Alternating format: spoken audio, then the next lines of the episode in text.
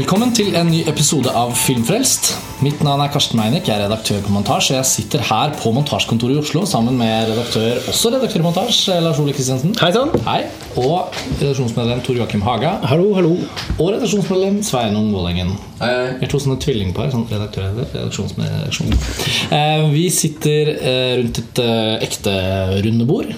Eh, vi har ikke på Skype i denne episoden. Som er hierarkisk fordelt i forhold til Jeg sitter under bordet. Noen har fått te, noen har fått kaffe, noen har fått Farris. Det er litt sånn her drikkevarehierarki. Men vi skal snakke om Christopher Nolans eh, Interstellar. Uh, og det Hva var det vi sa på vei inn på pressevisningen i formiddag? Julaften. Det er julaften. Fordi det er jo ingen grunn til å legge skjul på at veldig mange Altså I løpet av de fem årene vi har holdt på med montasje, så har det jo vært eh, ganske sånn høytidsaktig når Christopher Nolan har kommet med noe. Og måten å følge prosjektene hans på har vært ladet med ganske store forventninger. Og så er vi jo ikke helt enige heller om kvaliteten i Christopher Nolans filmografi. Så det at Interstellar liksom har vært på vei, har jo liksom vært spennende, rett og slett. Men sånn jevnt over så har vel liksom montasje sikkert vært eh, kjent så Eller ikke vært kjent så, men altså at vi har vel dyrket en slags fankultur da rundt Christopher Nolan. Og det var morsomt da vi kom på Filmens hus i dag, fire stykken, og Geir Friestad kommer bort og sier Kinomaskinisten. Eh, Kinomaskinisten på Filmens hus kommer bort og Ja, dere stiller mannsterke i dag. Ja, Forutsigbart. På julaften litt. Um, men um, Ja, og jeg regner med at de fleste av lytterne våre er kjent med at uh, at Interstellar er en science fiction-film som uh, nå går på kino. Med Matthew McConney og Anne Hathaway i de ledende rollene. Og Vi skal snakke litt innledningsvis om filmen uten å komme noen spoilere. Sånn at de som ikke har sett filmen, kan trygt lytte til denne podkasten inntil vi varsler at vi begynner å snakke om spoilere. Fordi Christopher Nolans filmer generelt blir ofte markedsført uten å avsløre for mye. Han er veldig opptatt av det å holde tilbake, og sånt, så da skal vi prøve å leve litt opp til det. Men jeg vet ikke, jeg syns kanskje det Nå kommer vi jo nesten litt sånn tilfeldig inn på det. Altså Forholdet vårt til Christopher Nolans filmer for øvrig. Kunne det vært et interessant sted å starte litt? Og så, og så litt om hva vi syns om Interstellar, og så gradvis bare grave oss mer og mer ned i det. Vil ikke du starte. Joakim? med Jo, altså, jeg, jeg har et meget godt forhold til, til Christopher Nolan. Jeg har oppdaget han med Memento som en del andre mennesker. Mm. og stadig mer fascinert av hvordan han bruker ganske sånn altså, gammel teknologi. Det er alt er relativt. At han er en forkjemper for, for filmens videre kår og sånne ting. Og at han utforsker en del spennende temaer knyttet til tid og rom i egentlig nesten alle filmene hans på, på litt forskjellig måte. Som jeg kan komme på. Altså, Memento var jo fordi den ble fortalt baklengs. Ja, ja, Så introduserte han seg jo veldig umiddelbart som en sånn type filmskaper. Og så med debutfilmen hans 'Following' senere, så sa Ja. han jo at han startet med det allerede der. Ja, ja, ja. Men han har en sånn vanvittig altså, Påfunnene, de visuelle og tematiske påfunnene i filmen, eh, filmen hans innenfor det tidsromuniverset, da, syns jeg alltid er veldig fascinerende. Så jeg har, eh, jeg har egentlig en ganske stor kjærlighet til han som, som regissør. Sveinung? Ja, jeg er jo ikke noe glad i Kristoffer Nolan. Vi bare slenger hemmeligheten på bordet med en gang. ja. Nei, jeg eh, kan jo vente med å si noe om Interstellar, men men jeg har fulgt han helt siden Memento, jeg også. Og sett eh, egentlig de fleste filmene hans eh, fra med den flere ganger. Ehm, så jeg har på en måte Jeg har fortsatt å bryne meg på Christopher Nolan, da, selv om jeg Du har på måte ikke gitt han opp? Eller har du gitt Nei, jeg, nei, jeg har egentlig ikke det. Nei. Jeg har ikke gitt han opp, men jeg, for meg har altså, det, er, det er ingen av hans filmer eh, fram, fram til nå med Interstellar eh, som jeg egentlig har likt ordentlig godt. Da. Eh, jeg ser på han veldig som en god håndverker, men, men ikke noe s- stor filmkunstner på noen som helst måte. Jeg syns han er veldig kjølig og veldig Han har en veldig sånn Eh, han etterlater så utrolig lite til, til tilskueren i filmene sine og liksom hamrer inn alt. Eh, og jeg syns det er rett og slett er vanskelig å bli engasjert i de historiene han velger å fortelle. Da, og måten han gjør det på. Um, og det, det var noen sånne Nolan-ting som jeg ikke liker, som, som på en måte dukka opp ganske klart for meg, i hvert fall i Interstellar også. Men, men uh, der var det også Det var noen nye, nye takter der òg, da. Så uh, uh, ja, Før vi snakker videre om det, så kan jeg fall si at det var ikke, ble ikke noe slakt fra meg. Det var ikke, ikke noe sånn Nolan-hating. Det var rett og slett nei, jeg var positivt innstilt til filmen, som jeg alltid er når jeg ser en ny film av han, selv om jeg ikke har noe godt forhold til han. Men nå Nei, det var en positiv opplevelse, rett og slett. Så mm, Men det Ja, jeg har, et, eh, ikke noe godt forhold til han. Det er ikke. Det. Jeg kan si på egen vegne at eh, det startet også med Memento. Det er kanskje den gjengangeren, fordi det var en så spesiell film. Og hypen rundt den da den kom, var jo at det var liksom the second coming of Christ. Nå, nå er det en independent film som er helt utrolig, liksom. Um, som jeg ikke nødvendigvis følte at den var helt utrolig. Jeg dyrker ikke noe forhold til Memento den dag i dag, men det var jo en veldig kløktig, smart, kul, bra, veldig lovende film å få sitt gjennombrudd med. Jeg må si 'Following', den debuten hans, som er mye mer ruskete, selvfølgelig, den er- fascinerte meg mye mer enn jeg skulle tro. Da jeg til slutt fikk sett den, så var det litt sånn Jeg har den på DVD. Den varer i 70 minutter. Det er bare å se den, så har man sett den. Men den var faktisk overraskende bra. Litt, jeg skjønner hva du mener, Simon, når du tenker på at Nolan kanskje hamrer inn en del ting i løpet av filmografien. Eller Man kan se et mønster der, at ikke det ikke er de store mysteriene. Men samtidig så er han Det du trekker frem, Tor Joakim, er litt det samme jeg føler. da At eh, Til å være en filmskaper som holder på med såpass mainstream Altså Hans filmer når ut. da han er, jo på en måte populær, men uten å ha blitt populær fordi han eh, i så stor grad har appellert til følelsene våre eller, eller liksom operert i sånne veldig veldig, veldig trygge uttrykk. Jeg syns ikke heller det, men jeg synes det som kanskje har vært Det tror jeg mange opplever som en fascinasjon, som i hvert fall jeg gjør, er jo at han spiller på sånne ehm, forestillinger vi har om logikk og hvordan ting skal liksom gå opp. Og så utfordrer han det om han tøyer tid, eller om han snur på narrative konvensjoner litt. Kausalitet. Ja, en del sånne ting som han er virkelig opptatt av. Og så er han veldig seriøs, og det syns jeg er veldig eh, oppløftende. da Hvis man liksom har forlatt litt sånn 90-tallets ironi, så føler jeg at liksom Nolan var en av de første som kom og var sånn alvorlig igjen. Yes! Ja, han er jo Han veldig- filmer blodseriøst! Jeg elsker det! Ja, jo, han er jo veldig inspirert av Stanley Kubrick, og uten å sammenligne de to, for det syns jeg egentlig blir, blir helt unødvendig. Jeg syns Christopher Nolan kan få lov å holde på med sitt uten å måtte bli sammenlignet med sin store helt. Men det i hvert fall Stanley Kubrick gjorde, var jo å være ekstremt seriøs når han lagde film. Og det syns jeg Nolan gjør. Og det er Kubrick har veldig mye humor òg, da. Ja, da. det humor i Ja. Ja, det, det vil jeg si. ja, men jeg mener, mener jeg innstillingen til film Ja. og, og liksom grundighet og seriøsitet da, i arbeidet. da Ja. Helt enig. Jeg synes jo, det er derfor jeg ikke syns det er noe verdi å sammenligne de som filmografier, Nei. men uh, holdningen deres, da. Så det også syns jeg Batman-trilogien eh, til Nolan var helt glimrende. Og Inception er min favoritt av hans filmer fordi den appellerer til meg sjangermessig. Altså både heistfilm og actionfilm, og at den tar det der eh, what if-konseptet sitt så sinnssykt da både langt og på alvor. Eh, og jeg har aldri vært enig i de som syns den filmen bare var tåpelig. og- Nå skal vi ikke bruke den podkasten på Inception, men den har i hvert fall vokst veldig på meg. da Vi har vel en podkast om Inception nå, hvis ikke jeg husker feil. Back in the days. Ja, sånn at eh, i hvert fall nå som det har gått eh, noen år etter Inception, og jeg har fått sett den igjen og liksom tenkt mye på den, så står den veldig som en påle. da Så jeg må jo oppsummere det med at jeg egentlig er veldig glad i Christian Nolan, selv om han ikke er min favorittregissør. Så har jeg jo sett frem til Interstellar med ganske sånn pumpende hjerte, egentlig. Jeg har liksom varmet meg veldig opp til å Jeg har blitt veldig Christopher Nolan-fan med årene, men jeg var det ikke i utgangspunktet, egentlig. Eh, Memento var ikke noen film som jeg hadde noe Den var ikke noen stor aha-opplevelse for meg da den kom. Den har i og for seg vokst litt når jeg har sett den igjen. Nå begynner det å bli mange år siden nå, da, så jeg er nok klar for enda noen gjensyn der. Men eh, men verken det og Insomnia syns jeg er veldig god både en veldig god remake og en sånn vellykket sjangerfilm. Men det var jo ikke noen av de som liksom helt sånn tente gnisten for meg.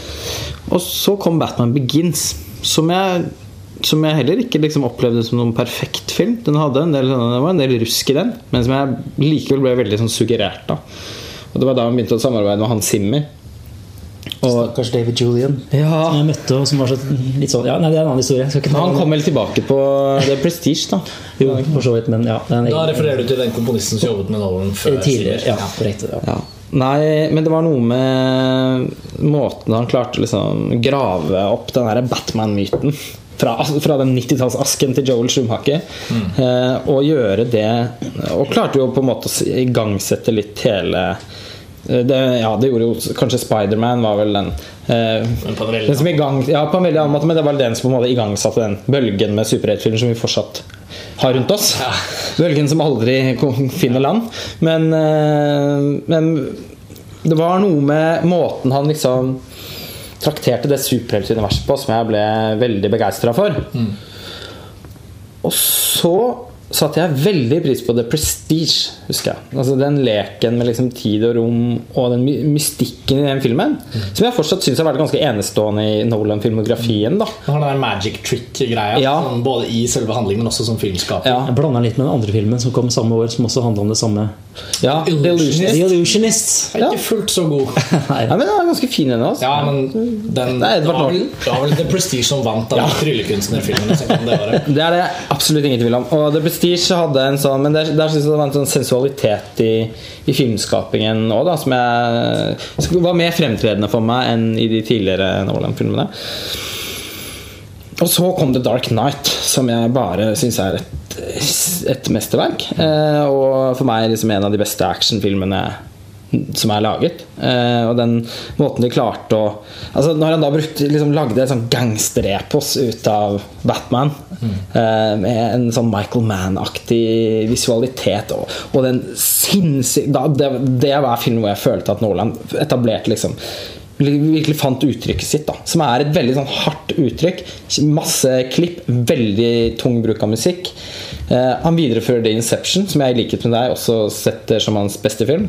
Eh, jeg syns eh, Jeg har også jeg har hatt den diskusjonen veldig mange ganger, bl.a. med Sveinung, om liksom Det er jo mange som opplever Inception som en litt sånn umystisk og pretensiøs mislykket film. Jeg, synes, jeg er helt uenig i det. Jeg er enig i at den er liksom like mystisk som en Ja, omtrent like mystisk som bordet vi sitter ved. Men det er for meg ikke filmens poeng, da. Jeg var aldri med på den anklagen mot at han skulle gjort noe sånn lynsjaktig med drømmene, og drømmene er så aseksualisert. Og sånn. Jeg tenker, Det er ikke hans prosjekt. Det er jo eh, For det første så jeg føler jeg ikke helt at Inception er en film om drømmer, eller en, egentlig en science fiction-film nesten en gang, som den aspirerer til å være. Jeg føler det først og fremst er en heist-film. Og jeg synes En Dario Fo-aktig filmatisering synes jeg med, med forskjellige fiksjonslag. Det, som, det var min. Ja. Han spiller jo på det òg, liksom. Ja, altså, og det, og det er en film som har Den er jo den både liksom flørter med flere sjangere og Ja.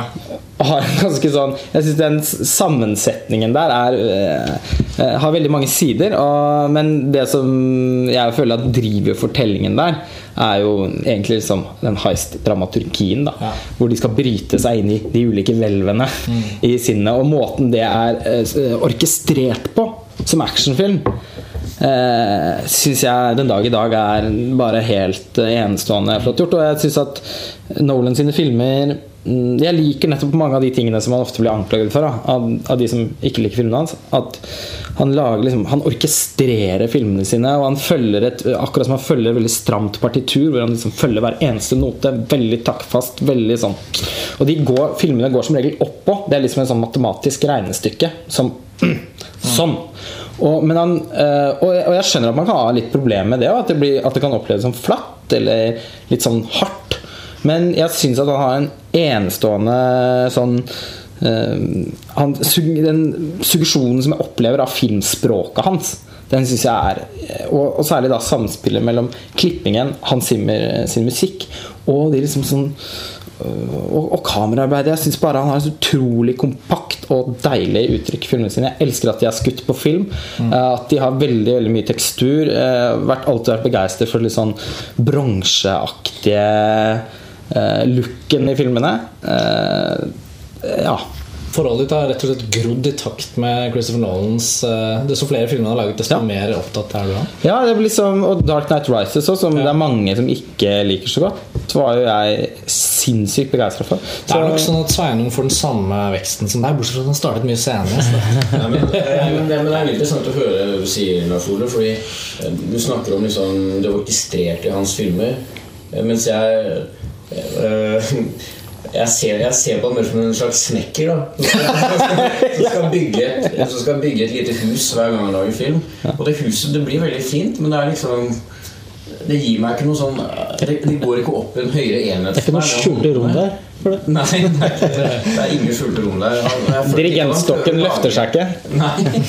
Hammeren slår isteden. Før det blir for mange gode språklige bilder her nå, for nå tror jeg vi renner over av fantastiske metaforer, så kan vi jo bare gå rett inn til Stellar. Mm. nå har vi lagt et lite grunnlag med Nolan her, og lytterne våre vet omtrent hvor de har oss. Og nå vet vi omtrent hvor vi har Interstellar, for vi har jo da sett den nå før i dag.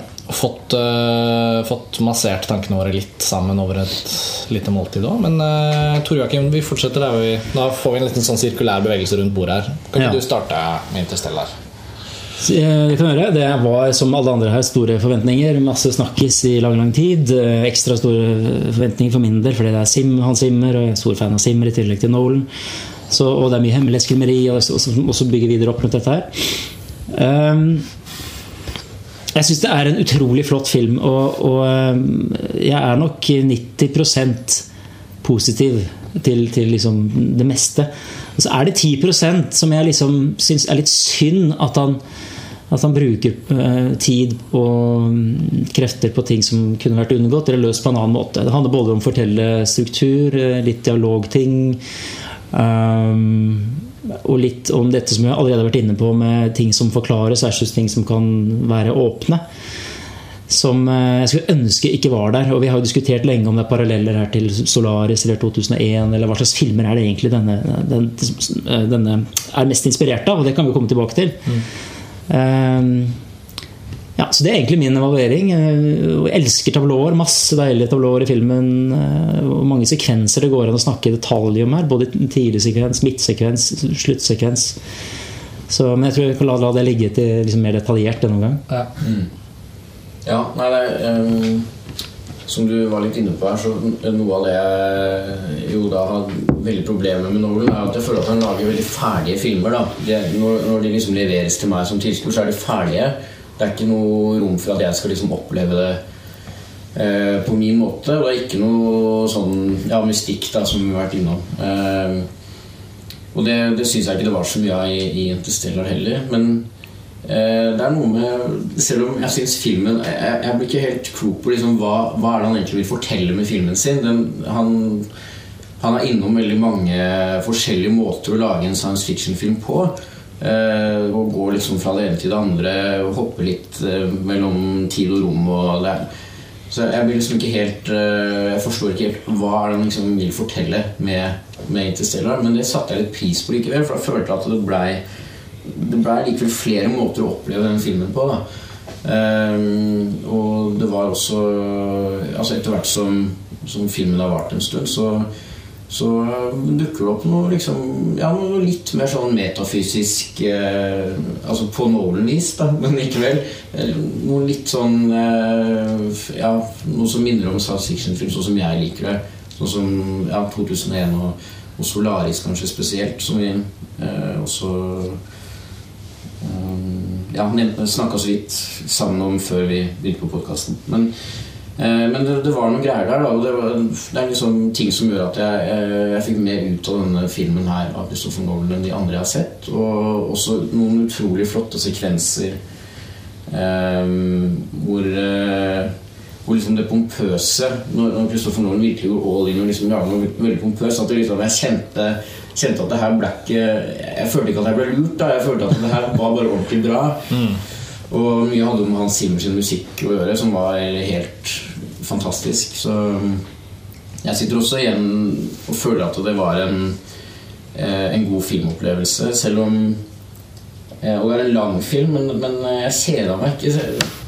Selv om jeg syns enkelte dialogscener der, der blir det liksom for mye av det jeg ikke liker med Nolan. Kanskje spesielt når det er utrolig mye informasjon som skal puttes inn. Bare, han skal ikke vise det, han skal bare fortelle det. Han skal bare liksom hamre det inn. Sånn at liksom dette Nå er det ferdig, nå kan vi gå videre. Det var litt for mange sånne scener som jeg syns ble uengasjerende. med med astronauter som uh, snakker seg imellom med begreper som jeg ikke skjønner noe av. og sånt. Men, Han er, han er jo ofte veldig anklaget for, uh, for å ha litt for mye eksposisjon i filmene sine. Og eh, jeg har ikke F.eks. i i Inception, hvor eksposisjonen varer liksom en time, hadde jeg aldri problemer med det, fordi det var så eh, utrolig sånn musikalsk skrevet, uh, syns jeg faktisk. Men, eh, men akkurat Men i Interstellar så er jeg enig i at de tingene der lugger litt. Det er akkurat sånn det er, det er noe et eller annet med dialogen der som ikke Ja, helt sitter. Ja, og det blir litt problematisk ekstra problematisk for meg, i hvert fall fordi nettopp pga. at jeg ikke helt forstår som sagt, hvilken fortelling han vil fortelle. For da blir det enda mer sånn Men skal vi ikke videre her, liksom? Nå, vi er på vei et sted, men jeg vet ikke helt hvor. Og så skal han liksom bremse opp de der eh, lange sånn én-til-én-scenene. Ja. Men, eh, men alt i alt en, en god filmopplevelse. Og eh, jeg kan allerede nå si at det er liksom dette blir, ja, det blir kanskje min Nolan-favoritt. Jeg har akkurat sett den, men jeg tror likevel at jeg kan si det. Å har den sjangeren som du var inne på med Inception for del, Karsten, så har det noe med sjangeren å gjøre for min del òg. Interstellar. Dette er, Skikkelig science fiction. Det er en klassisk science fiction. Ja, ja og det syns jeg også. Ja, det, Cerebral. Ja. ja. Altså det, er, det er ikke en sånn Ja, og den er litt sånn, det er sånn uh, Gravity i fjor, da. For eksempel, jeg, jeg opplevde ikke den der, Jeg tror alle har forskjellige måter å definere science fiction på, i og for seg. Uh, så jeg tror ikke min måte er den førende. Men for meg for eksempel, så var ikke Gravity egentlig liksom en science fiction-film. Jeg syns det var mer en astronautfilm. Eh, uten at det, det er ikke en sjanger, men altså, den, den var mer som The Right Stuff, på en måte. Apollo 13. Eller Apollo 13, liksom. Men med en litt eventyrlig dimensjon, ja. Men uh, jeg tenker at man må liksom tilbake til noe sånt som Sunshine uh, for å finne en film som er veldig samme. Altså 2001, En romodyssé, Solaris, Sunshine. Alle disse filmene her har jo og så har man science fiction som Blade Runner, og sånn, som absolutt er science fiction. Men det er igjen en sånn Hvis man snakker om den her eh, mennesker som utforsker rommet, eh, og som oppdager noe der ute som, som ikke er på en måte realistisk. Eh, Som er en forestilt realisme. ja, en forestilt realisme, Det og som, og som har en, sånn, en, en viss metafysisk Vitenskapelig fiksjon. Men det er jo det er, det er paraplybegrepet, og så er det det spesifikke tolkningen av science fiction ikke sant, som gjør at det skiller seg fra Star Wars, som er mer space Det her er jo en egen diskusjon. Ja, det er jo sånn det- Det er Star Wars tenker jeg på som eventyr eh, Ja, det er fantasy. Nei, men Star Wars er science fiction i paraplyforståelsen. Ja, men ja, det er ikke ja, Nei, det er ikke sant. Nei, men det er vel, vi er vel enige om at denne her typen science fiction Så den på en måte Det skal på en måte eh, eksistere i vår virkelighet som en logisk forlengelse av hvordan vi har det i vår tid, liksom. Det kan man vel si. Jeg syns jo AI det anser jeg som en sånn type science fiction. Som er veldig sånn det er nesten så du tenker at det er sånn det kommer til å bli. Eller Minority Report også, Ja. faktisk. Eh, De er annerledes, for de foregår jo på jorden. Men eh, Nei, Interstella var jo Hvem er jo Lars Ole, du var liksom godt i gang. Kan ikke vi høre deg først, og så kan jeg avslutte? Jo, ok, skal vi se. I den spoilerfrie delen av samtalen. ja, jeg må vokte meg. Nei, jeg tror ikke jeg trenger å spoile noe. For jeg syns uh, at uh, filmen eh, Jeg hadde jo både altså I utgangspunktet ekstremt høye forventninger til den, men så har jeg også fått med meg at den har fått jeg, jeg har gått ganske sømmende på mottagelsen av Interstellar og lest, men bare skummet over alt som har med plott å gjøre. Men jeg har jo skjønt at den har skapt veldig forskjellige reaksjoner, og at konsensus litt har vært at dette her er Christopher Nolans svakeste film på en, på en stund. da, At han har snubla litt, rett og slett.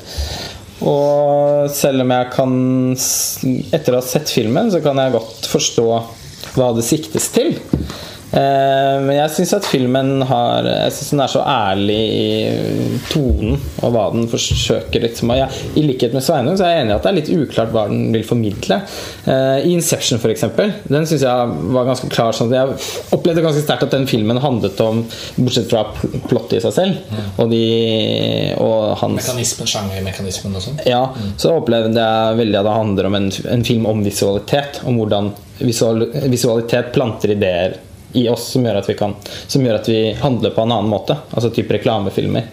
Som viser en sjokolade, så ender vi med underbevisstheten ender med å velge den sjokoladen neste gang jeg er på. Ja, og forsterket av Nolans ekstremt sånn retoriske filmspråk òg. Det, det retoriske er på ingen, ingen måte dempet i Interstellar, fordi det er en veldig sentimental film. Eh, som er ganske sånn hamrende i det er, mye, det er lenge siden jeg har sett en film med så mye gråt, f.eks. Rollefigurer som er eh, Ja, det er nesten som å se en sånn eh, Tennessee Williams-stykke eller. Eh, eh, og der, Derfor har jo veldig mange trukket Spielberg-parallellene. De er jo i og for seg også Det er enkelt å forstå hvorfor det har blitt gjort, fordi familiemotivet og sånn står veldig sentralt i filmen. Og Spielberg skulle egentlig regissert den først. Ja, Det var jo et, et prosjekt som hang i veldig mange år, og som Spielberg skulle gjøre, men aldri fikk gjort. Og den gangen var det vel et, en budsjettutfordring. Det er jo faktisk sånn at Spielberg sine filmer er ikke like sikre kort rent kommersielt lenger som Christopher Nolan sine. Så han, Christopher Nolan er jo en av de få nå som får lov til å lage filmer i denne skalaen helt fritt. Uten noen kompromisser som har final cut. Og på originalmanus denne gangen. Ja, så det, Og det bærer jo filmene veldig preg av, og Interstellar bar mer preg av det enn det jeg hadde egentlig forventet. Eh, ettersom jeg hadde fått en litt sånn mer sånn Gikk inn til Jeg var veldig åpen da jeg gikk inn til filmen. Jeg, tenkte, jeg stålsatte meg litt for at jeg kunne bli eh, skuffet. Og det ble jeg ikke. Eh, jeg syns at den var veldig gripende, rett og slett. Sviskete som den er, så syns jeg den var veldig vanskelig å stå imot. Den var så, jeg syns den var utrolig godt spilt. Ikke bare av Matthew McConney, men uh, særlig av Jessica Chastain og Anne Hathaway.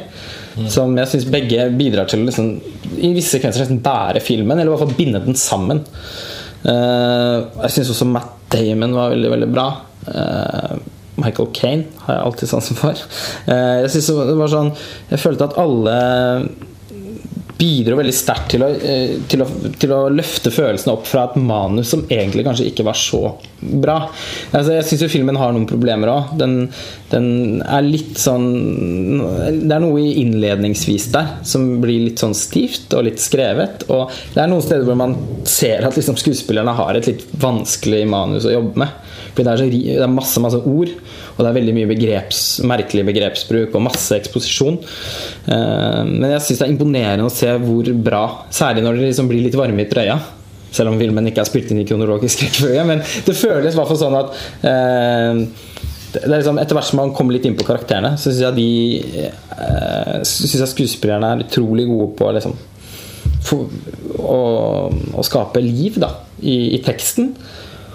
Og foruten, og foruten, det uh, Og nå skal vi ikke begynne å snakke om hvordan historien uh, forløper seg ennå, men den, jo, den blir jo uh, For meg ble den mer liksom Mer Solaris-aktig enn det jeg hadde forestilt meg på forhånd. og selv om den på en måte så film, Filmene til Nolan er jo som regel litt sånn en sluttet sirkel, som jeg ikke har hatt så veldig store problemer med. Eh, men, og det er litt denne òg, men den har akkurat liksom nok rom underveis for eh, en viss Som du var inne på, Sveinung. At man, den er ikke så hamret inn, på en måte, Nei. som en del av de andre Nolan-filmene. Uh, igjen så har jo ikke jeg noe problem med det, da, men jeg liker å få den hammeren i skallen når jeg ser Dark Night. Men Man litt metafysisk hammer denne gangen. Ja, og, og det, var, men nå, jeg, det er jo mange som snakker om at Christopher Nolan er så kjølig, og at dette er den første filmen hvor han virkelig liksom uh, lefler med sentimentalitet og sånn. Det er jeg ikke enig i. Da. Jeg synes jo han har vært ganske så sentimental tidligere òg, men på en måte som jeg liker. Uh, jeg er ikke så jeg er i det hele tatt ikke så veldig redd for det. Så, eller sånn, Jeg reagerer ikke så dårlig på det. Jeg kan ofte bare leve meg inn i det og synes det er få en sånn katarsisaktig opplevelse. Og jeg er blitt veldig rørt av mange av filmene. Så jeg syns 'Inception' er veldig gripende på sitt vis. Jeg synes Det er bilder i The Dark Night som jeg synes er bare helt ekstremt gripende. Det kan være noe sånn som at The Joker stikker hodet sitt ut av, uh, ut av vinduet og liksom tar i natteluften. Ja, men altså sånn, for meg er, kan det være like gripende som om noen dør. På en måte, altså sånn, jeg har aldri helt skjønt det argumentet med at The Dark Night Rises så syns jeg jo virkelig kliner til med noe, med noe rørende sekvenser. Så, så, det var ikke nytt for meg, men det var jo åpenbart forsterket. Uh, og det kunne Det hadde jeg kanskje, var jeg kanskje litt redd for at han hadde dratt for langt. Men selv om han drar det langt, så syns jeg han kommer i mål med det. Jeg synes Det blir veldig drivende og engasjerende. Og på et eller annet tidspunkt hvor han liksom setter i gang den klassiske nolandske virkemiddelbruken sin, hvor Hans Zimmer sin musikk virkelig kommer i gang. Eh, og hvor eh, tempoet på klippingen liksom justeres opp litt. Og hvor disse eh, ganske mange actionaktige sekvensene begynner. Og det liksom hele Hvor noen har liksom knipset på den ene dominobrikken så at alle de andre begynner å falle. Da syns jeg jo filmen ble helt fantastisk, egentlig. Og bare satt og var helt revet med helt siden den var, eh, helt siden var slutt. Og, men vi må Ja, Karsten? Ja, nei jeg, Jeg er nok, øh, I og med at jeg kommer sist, så har jeg æren av å kunne si sånn Jeg er litt enig med dere alle. Det er ikke noen overraskelser her. Altså, det er ikke sånn at jeg nå er den plutselig som ikke syns det var en god film. I det hele tatt. Eh, jeg egentlig føler kanskje nå overraskende nok at vi er mer enige enn jeg kanskje trodde da jeg gikk ut av kinosalen. Men forskjellige ting vi ja, det er forskjellige ting vi henger oss opp i. Jeg syns det var en stor filmopplevelse. Jeg synes det var en veldig bra film. Og det må man jo også stoppe opp og si. Jeg synes jo ofte det er veldig viktig. Jeg vet at Vi diskuterer det ofte på festivaler, og sånn, så blir man litt sånn sånn Men skal man ikke bare anerkjenne at det kanskje går 20 år mellom hver gang man ser en sånn film? Og det lages liksom 40 000 filmer rundt omkring i verden hvert år. Og det er kanskje nesten aldri noen som lager noe sånt som dette. Ikke det at nå kan det være hvilke som helst filmer som er spesielle. Liksom. Eh, om det er sånne små festivalfilmer som folk drar, under samme, eller drar med samme kam, og så kan man stoppe opp igjen og bare sånn Men er ikke dette egentlig helt utrolig? Det liksom, og jeg syns Interstella fortjener den kategorien. Da. Eh, Jeg følte også at 'Sunshine' av Danny Boyle er den forrige science fiction-filmen som liksom har eh, liksom slått inn det giret som denne filmen gjør, og som tar den der science fiction, exploration, save the earth-type on a mission-tingen. Så jeg setter veldig pris på at bare Inception er det på en vellykket måte. Interstellar.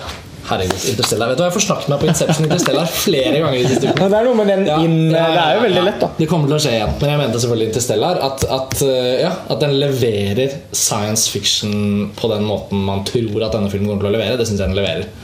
Um, og jeg kan ta den debatten med, med haters hvis det kommer noen, men jeg syns den er utrolig flott. Og, og du har jo insinuert den dominobrikken, da, eh, der hvor filmen bokstavelig talt måtte tar av første gang. Eh, fra derfra og sikkert to timer eh, nesten, så syns jeg den var helt, helt, helt eksemplar. Altså, jeg sånn, jeg kjedet meg ikke et sekund i filmen for øvrig. Men jeg ble ganske mange ganger, mer enn jeg hadde trodd, rykket ut av filmen av liksom svake scener. Noen få som jeg syns er sånn dårlige scener. Jeg håper det retter på seg når jeg ser den igjen, og kanskje da vet jeg at den kommer, og så det ikke, gjør det ikke så mye. Men det var faktisk noen steder hvor jeg bare følte da særlig manusteksten liksom, bare var ikke helt på plass. Og det var sånn unødvendig å ta det med òg. Det er noen scener blant rollefigurer som kjenner hverandre veldig godt. Uh, som burde kunne snakke med hverandre på en helt annen måte enn de gjør i filmen. Også mitt poeng. Ja, og så, og så snakker de som om liksom det eneste grunnen til at scenen er der, er å få levert noe informasjon inn til oss. da Og det er tusenvis av filmer som gjør dette. Det er ikke det Men når man tenker liksom at på et visst nivå så kan en filmskaper tenke at et blikk et stille øyeblikk mellom to personer som er etablert som familiemedlemmer eller veldig nære altså sånn, Det skulle kunne holde for å si Du vet ikke helt hvordan du skal si ha det, eller du vet ikke helt hvordan du skal ikke sant? Og da kan vi føle det. Jeg syns han undervurderer publikum i flere scener i den første halvtimen. Og da blir jeg rykket ut av det. Og det synes jeg er Ja, da var det liksom litt sånn at jeg begynte å være litt urolig for filmen. Men så var det jo også veldig mange gode scener, og da var jeg tilbake igjen. Så det er noen sånne ting som rusker litt i maskineriet. Og så er det dette som vi nå har vært inne på. da Nå, nå, snart, nå skal jeg avslutte sånn at vi kan begynne å snakke om ting som da blir spoilere. Men for dere som har sett filmen, så blir jo det gøy kanskje å høre på.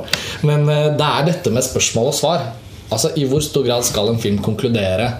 Eh, og i hvor stor grad skal den etterlate deg med noen spørsmål? Eh, og nylig på podkasten vår om 90-talls 100 beste filmer så snakket, vi, snakket jeg litt fall, om Kiarostami som Abbas Kiarostami, en iransk regissør, som har uttalt at han bare lager halve filmer. da Hele hans poeng med filmer er å ikke sørge for at publikum får det i pose og sekk. da At de blir sittende med ganske mange spørsmål. Og sin Interstellar, den eh, ja, den skulle jeg faktisk likt å se. Det hadde foregått i et romskip hvor to stykker sitter ved siden av hverandre. Litt som i en bil. Og så hadde, rom, også, også hadde den nye galaksen vært beige. ja. og, de hadde, med sånn grustak. og, ganske sånn, og ganske sånn vanlige mennesker der. Vanlige menneskers historier. Men uansett, poenget til Kiarostami syns jeg passer ganske godt for science fiction. I fall den typen science fiction jeg setter veldig pris på. Um, så det kan vi jo diskutere litt. For der er jeg usikker på om Interstellar i så stor grad oppfyller min sånn drømme-science fiction. uh, som jeg kanskje hadde håpet. Men uh, nei, veldig fornøyd med filmen.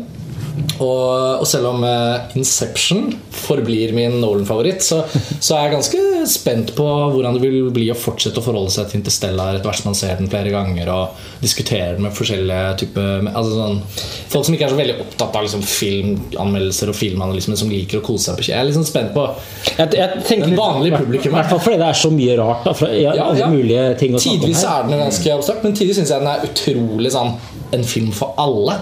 Eh, Så det er sånn Men skal vi si at vi avslutter den spoilerfrie ja, et poeng til som jeg tenker at kan Ja. være for alle. Nei, er at eh, den jeg, eh, jeg som kanskje var den rundt bordet her som likte filmen aller best eh, Jeg likte filmen ekstremt godt, men, men, jeg, men det er en imperfekt film. Eh, og nå syns jeg ikke nødvendigvis den sånn ideen om noe perfeksjon i seg selv er så spennende. Det er mange perfekte filmer som er ganske kjedelige. Ja. Men eh, Inception og The Dark Knight, som jeg ser på som to relativt perfekte filmer, på tross av at det alltid vil være noe det, til og med noen sånn digresjoner i The Dark Knight der som jeg skulle likt å ha lusket ut.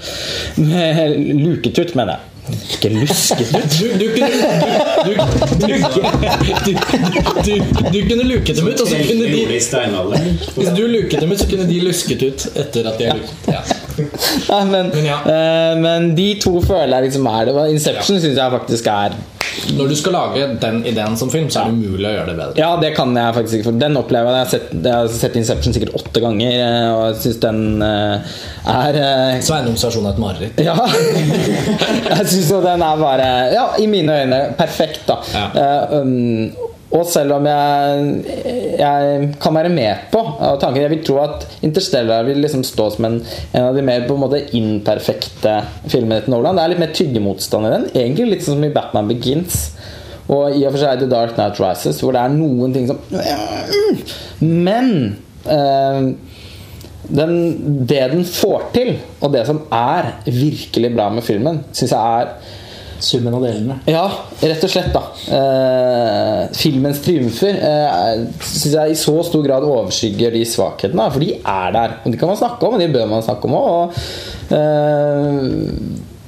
men her, han har jo virkelig eh, jeg føler virkelig at han prøver på veldig mye her. Og selv om han ikke lykkes med alt, så syns jeg liksom summen av den visjonen og den gutsen han viser med å gjøre det, og gjøre det på sin måte også, det, det er noe kompromissløst over filmen, syns jeg. Til, til å være en blockbuster da, på et enormt høyt budsjett, så er den tidvis ganske artsy.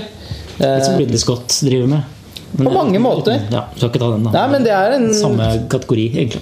Ja, det syns jeg Ridley Scott har jo også noen filmer hvor det er noen manusting og sånn som han sitter opp Ja. Men uh, de er ofte litt mer følelsesmessig distanserte, syns jeg, enn uh, Interstellar er. For den er så veldig følsom i hele sitt vesen. Men, men ja, men, den, men det blir noe med at den totalen blir veldig, jeg synes det blir veldig overveldende. Det skal vi begynne å snakke om etter hvert. føler jeg, Men de visuelle Før vi begynner i spoilerne, så tenker jeg kanskje at vi kunne liksom bare tatt en runde på det visuelle. For det har vi ikke snakket om ennå. Det syns jeg kanskje er Men filmens heng, heng, Jeg de, I delene, når vi snakker om de enkelte delene La oss åpne for spoilere fra meg nå. Okay. Det er like greit. Er greit. Hvis du har lyst til å se Interstellar etter å ha hørt dette, så tenker jeg Da er du ikke interessert i å høre resten. Nei. Nei. Eh, Så fra og med nå så er det spoilere eh, knyttet til handlingen i Christopher Nolans eh, Interstellar. Så da har vi det unnagjort, nå kan vi jo snakke om fritt om uh, alle de detaljene i filmen som er interessante å diskutere. Jeg, vi kan likevel begynne med starten, fordi jeg føler at uh, Ja, jeg syns det rykka ved mye, som jeg nevnte nå i stad. eh, Altså, det er jo veldig mye som skal etableres. Hvorfor drar han av gårde? Hvorfor forlater han familien sin? Jo, han, han er en pilot som trengs til et oppdrag som er veldig viktig. Jeg synes blant annet også den altså, Til og med noe så enkelt som den Hvordan får man han til den derre siten hvor Michael Kane holder på med prosjektet sitt, liksom? Den var veldig brå, syns jeg. Ja. Og jeg syns, eh, hele den der mellomfamiliære relasjonen til Særlig til han bestefaren, John Lithgow-karakteren, er liksom Det var ganske mislykket. Altså, det var mislykket og unødvendig, for det er relasjonen til datteren som er så sinnssykt viktig. Og den er så bra. Hun jenta spiller jo så utrolig bra. Den beste rolletolkningen nesten i filmen, ved siden av Mekaniker. Ja, men jeg tenkte at hun var litt sånn Fordi først eh, Hos meg rykket det faktisk litt i de første scenene med henne. Men det handlet mest om at hun hadde ikke sånn klassiske sånn fantastisk Det sånn. Dakota Fanning eh, Nei, eller Elle Fanning. Eller Elle eh, Det var ikke, altså hun hadde ikke en sånn type inderlighet. Eller sånn, hun var ikke noe scenestjeler.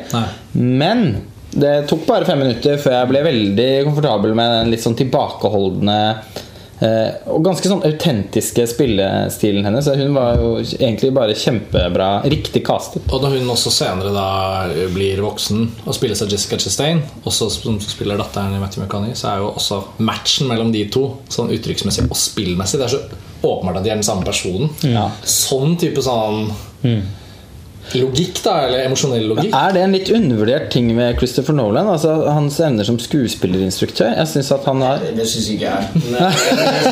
Som Fikk du den drept med en gang? Ja, det er greit, det. Nei, det var ikke for å Nei. Men jeg syns virkelig at det var spesielt bra også i denne filmen. Ja. den, den, Kanskje jeg er litt nyforelsket i den, eh, den Ja, men jeg tenker på Heath Ledger i The Dark Knight og eh, Christian Bale sin Batman-tolkning, som jeg alltid har syntes har vært fryktelig bra. Jeg syns det var litt spesielt bra her. Ja, men jeg, men jeg er jo enig i det, da. Og så jobber han, med, han jobber jo med Matthew McConney, han jobber med Anne Hathaway. Ja, hun var i Dark Knight Rises, men her, her spiller hun en mindre karikert figur. Jessica Chastain og sånn. Han har jo med seg et ganske sånn flott lag med skuespillere. Men jeg må- bare lyst til å skyte når vi snakker om førstesekvensen. For jeg, synes, eh, jeg tror jeg er den eneste rundt bordet her som er mest positiv til den første timen. Tre, tre kvarter, Ja, tre kvarter. tre kvarter av Jeg det filmen. Jeg føler også at han halter. Var det bare en halvtime? Jeg tror Ok, det var okay. ass. Litt negativt ut at jeg følte den var så lang. Men, eh, Men du likte den så godt. Nei, ja. Nei, altså, jeg, jeg liker jo det var, en- Fikk litt assosiasjoner til, til faktisk til Man of Steel. I hvert fall den Man of Steel som vi så i traileren til Man of Steel. Den Terence Malick-aktige landsbygda, det rurale, maisåkre og det, dette støvet i lufta som er en del av den, den apokalyptiske situasjonen på jorda. Og selvfølgelig interaksjonen mellom, mellom rollefigurene. Men det var, og jeg visste på forhånd at det var ganske lang tid som skulle, uh, før, før han drar ut i verdensrommet, som skulle utspille seg på jorda. Så jeg Litt skeptisk, litt usikker, men jeg syns den var veldig veldig fin. Altså når de jager etter denne, denne eh, sonden. Og, um, Ja, den er jeg enig i. Den likte jeg. ja, og, og det var, jeg syns det var litt sånn nerve i den, i, i den første delen av Den filmen. Den hadde en er sånn Spielberg på 80-tallet-kvalitet over seg òg, den eh, Ja, litt sånn, sondejakten. litt sånn som Twister, for fikk jeg liksom følelsen av. Litt, den der- altså litt den eventyraktige Men er det, ikke, er det ikke noe av det også en kvalitet Det at de har valgt å øh, presentere liksom en, en døende jord med veldig få virkemidler. Det er jo ikke noe sånn bilde fra storbyer, og det er ikke noe TV-innslag som forteller om at folk robber butikk. Altså, sånn, det er ikke noe sånt. Nei, og Det er veldig, sånn- veldig, li- veldig lite science veldig lite teknologi. Det, er, det kunne vært i dag, bare at det er jo sikkert flere hundre år i fremtida. Ikke sant? Eller hundre, eller Ja. ja, hva som helst. Og det styrker også veldig den undergangsstemningen, syns jeg. At, det bare, at liksom fokus bare holdes der Ja. på det miljøet. Og at det, det blir så nedtona at det liksom, det blir, man bare får en enda større følelse av det. Det er noe der ute som, som menneskene prøver å få bukt med, men så vet man ikke helt hva man skal gjøre. Og, og jeg Det likte også veldig- ja. Ja, men jeg, bare for å henge meg på det der eh, som handler om den, hele den første delen som du snakka om, Joakim. At jeg, jeg syns ofte det er et problem at man, jeg blir kasta veldig inn i Christopher Nolan sine filmer. Eh, og rekker ikke å ja, hekte meg helt på og bli ordentlig engasjert. Da. Og så jeg satte litt pris på at eh, her hadde man liksom tatt seg litt god tid da, til, å, til å bygge opp det som skulle skje. For jeg altså visste jo at man skulle ut i verdensrommet etter hvert. Jeg, altså jeg, jeg likte liksom Jeg er enig at det var en del som skurra i den første delen der nede på jorda, men, men jeg, sånn jevnt over så likte jeg det. da At Ja, nei, det var ut så langt. Jeg synes det er ek- ek- ekstra gøy når du har forventningene om hva som kommer til å skje også. Så blir også liksom bevisstheten rundt den faktiske situasjonen som gjør at de skal reise, i hvert fall for min del, eh, enda mer engasjerende. Da, hvis det, hvis det, altså, som en rural film så hadde det kanskje ikke vært så spennende. Nei, men jeg, altså, jeg må bare moderere og Jeg synes jo at Det som ikke fungerer i den første delen, hovedsakelig er knyttet til at, at samtalene mellom rollefigurene er ikke tilstrekkelig bra nok, dynamisk nok skrevet. da For Vi kastes egentlig umiddelbart inn i en ganske sånn nær familiesituasjon. De er gjensidig avhengig av hverandre. De har veldig sånn underforstått Ok, uh, pappa er kanskje type en av verdens beste astronautpiloter, har kjempeutdannelse, men har måttet bli bonde fordi vi lever i en verden hvor all mulig sånn alle mulige drømmer er blitt erstattet med noe annet. da Vi må bare overleve. Vi må dyrke mais. Mais er den eneste planten som lever. Det kommer støvstorm. Sånn. Det er veldig sånn at det er mer akseptabelt i tegneseriefilmene til Nolan de, og Inception og sånn at de planter masse eksplosjon sånn en masse for oss. liksom Mens her så er liksom universet, det å holde liksom den der apokalyptiske skildringen i det visuelle litt sånn tilbake. Ikke noe sånn TV-innslag, ikke noe av det så føles det bare så rart at rollefigurene snakker med hverandre på den måten de gjør. I visse av de scenene Og så er det visse som jeg synes er veldig fint. Altså det er den dronen som, som de tar som en sånn underforstått greie. Det er en drone, den må vi ha tak i. Og da ble jeg sånn Ok, hvorfor? Hva? Hvem er den sin? Hvem er den styrt av? Og så skjønner man underveis i scenen at det er liksom en sånn En lost indisk drone som går på solcellepaneler, som, som de av og til kommer over, og da kan vi nappe ut noen sånn energikilde. Det er jo dritbra. Det er jo nesten sånn det burde vært Mer av det, syns du? Ja, eller den burde vært mer at den holdt, og så kunne man Det er noe ja, for det er noe, andre scener som er mellommenneskelige, for handle om bare hverdagslige Ja, for det er noe- Altså sånn Mer det, da. ja, for det er noe med den uh, nærværende apokalypsestemningen, Mm. eller settingen, som er veldig nedtonet. Uh, og som fungerer utrolig fint. Og den skolesamtalen er jo også en av de scenene som er glimrende brukt. da Dialogen nok en gang ikke så kul som den kunne ha vært, men ideen da om at ja, datteren din insisterer på å bruke en gammel lærebok. eh, Vi har jo endret det der med Apollo, det var jo noe helt annet. Og sånn Altså, det var sånn smått, De stikkene der, supre. Men jeg bare skulle ønske noe Og ideen, og det visste var ikke helt forberedt på på forhånd, at så mye av filmens liksom, idégrunnlag handler om at menneskeheten, hvis eh, den presses liksom til sitt ytterste, så må den gå tilbake i tid, på en måte. Ja. Og he, liksom hegne om de små tingene. Vi må bruke evnene våre til å dyrke marken. Eh, vi må glemme drømmene. Da, og det at liksom eh, en eller annen eh, Altså det at eh, at styresmaktene har gått inn for å viske ut deler av menneskets historie, eller manipulere deler av menneskets historie å I lærebøkene. i lærebøkene for å ikke plante den oppvoksende generasjonen med de drømmene som gjorde Som kanskje bidro til eh, forurensning eller altså sånn eh, den, Det teknologiske framskrittet da, som vår tid preges av, eh, det syns jeg var veldig overraskende subtilt i filmen. Og det er derfor jeg også syns at eh, det suverent sterkeste øyeblikket i filmen er overgangen fra det vi snakker om nå, til han tar av i, i, i romskipet. Altså Der er det en sekvens som bygger seg opp, og det er veldig mye Hans Zimmer sin skyld. Som har denne musikken Sin ære. Sin ære som har den, eh, Musikken hans var etter min mening gjennom hele filmen en slags kombinasjon av eh, Philip Glass, Koyanis Kwatsi, Ja. eh, Mio min Mio eh, og, Nei, ikke Mio min Mio, men Brødre Løvehjerte. John Carpenter, kanskje, og, og Ennio Morricones eh, Mission to Mars med disse, her, disse her voldsomme eh, orgelet, og ganske minimalistisk, som bygger seg gradvis opp. Nå er han i ferd med å reise. Du ser han kjører fra denne gården, det blåser støvstorm og sånne ting.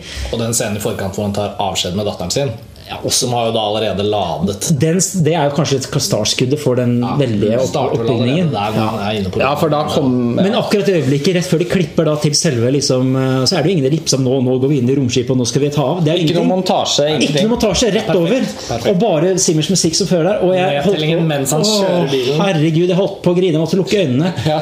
Og det fikk gåsehud over hele kroppen. Det er filmens for meg suverent sterkeste eh, øyeblikk. Men Det betyr ikke at det som kommer etterpå, er nødvendigvis en nedtur. Men det er jo, for det er veldig tidlig i filmen dette høydepunktet kommer. Ja. er bokstavelig talt en opptur. Ja. Jo, men Det igangsetter den filmen man er kommet på kino for å se. Ja, det er godt jo litt sånn, og da er det jo litt sånn Er alle med? Og jeg tror jo de fleste kommer til å være med, men jeg ser at den første delen har så mange kvaliteter på sånn Ja, de ideene, tingene vi har snakket om nå, at den har valgt å holde tilbake. At det skuffer meg at liksom Når to skuespillere sitter og snakker sammen, så er det liksom på det svakeste. da Men det er noe med at den første delen nesten er som en sånn eh, entreakt. Er det det det heter? Eller Mellom Over overtyre? Nei, over er mellom tyra før. ja, ja, det er overtyre jeg mener. Eh, at den liksom Og det, i Simmers musikk også, som først ligger Sånn som ulmende Og sånn- antydninger til orgel også, i, ja, men, i, men veldig, svak. diskré. Ja, før det sånn Så kommer Koyani Skatzi. Og det er jo Strauss da selvfølgelig fra, til 2001, overgangen når han kaster eh, eh, eh, Apen kaster en sånn eh, Knokkel. knokkel i hodet, og det blir til romskip. Og det er jo nesten en sånn overgang her òg, ikke sant? Bare Litt mindre tid som går, men Ja, men, eh, jeg- jeg ser at- Tiden tar et sprang senere i filmen, så Ja, jeg veier opp for det. siden Nei, men ja, Morsomt at du nevner Jørn Isfelt. Det har jeg ikke tenkt på, men nei, sier det, men Brødrene Løvehjerte tenker jeg Ja, men- Altså, det, ja, ja, det, det, det er en orgel, det er minimalistiske orgel. Og det er jo Nangiala. Og, ikke sant? Det er litt sånn verdener. Ja. Ja, men det er Når du sier det nå, så tenker jeg at det er veldig presist. For de som vil høre fortsettelsen av den samtalen, så er det bare å tune inn på Cellular Tune. Det blir en Ja, ja, ja. spesialepisode. Nei, men altså dette, og når den da tar av, så er det jo helt utrolig, uh, syns jeg. Da filmen går inn i en La oss si det er en 90 minutters del. da eh, som jeg bare var, jeg synes jeg var helt fantastisk. For da er den også delvis en actionfilm i lange sekvenser. Som er sånn fantastiske Med spenningssekvenser. en mission. Altså, Ja, sånn sånn... skikkelig et mission. Nå skal vi, ok, vi drar ut, og vi skal først gjennom en sånn spherical uh, Hva var det de kalte det? Et eller annet sånn ja, worm, wormhole, altså Ja, wormhole, ja. ormehull. Ja. Og, men liksom, ja? Det er utrolig mye sånn science talk da, i denne filmen. Det er bare å forberede seg. Eh, Hva kalte vi det for? gravitational anomaly. Ja, ja, gravitational Gravitational Og spherical wormhole. Men i hvert fall altså Det er sånn, ok, vi skal av gårde, vi skal gjennom der. Det har vært et mission før oss, tolv år tidligere. Vi har fått positive signaler fra tre planeter i den og den galaksen. Det er liksom sånn, så er vi av gårde.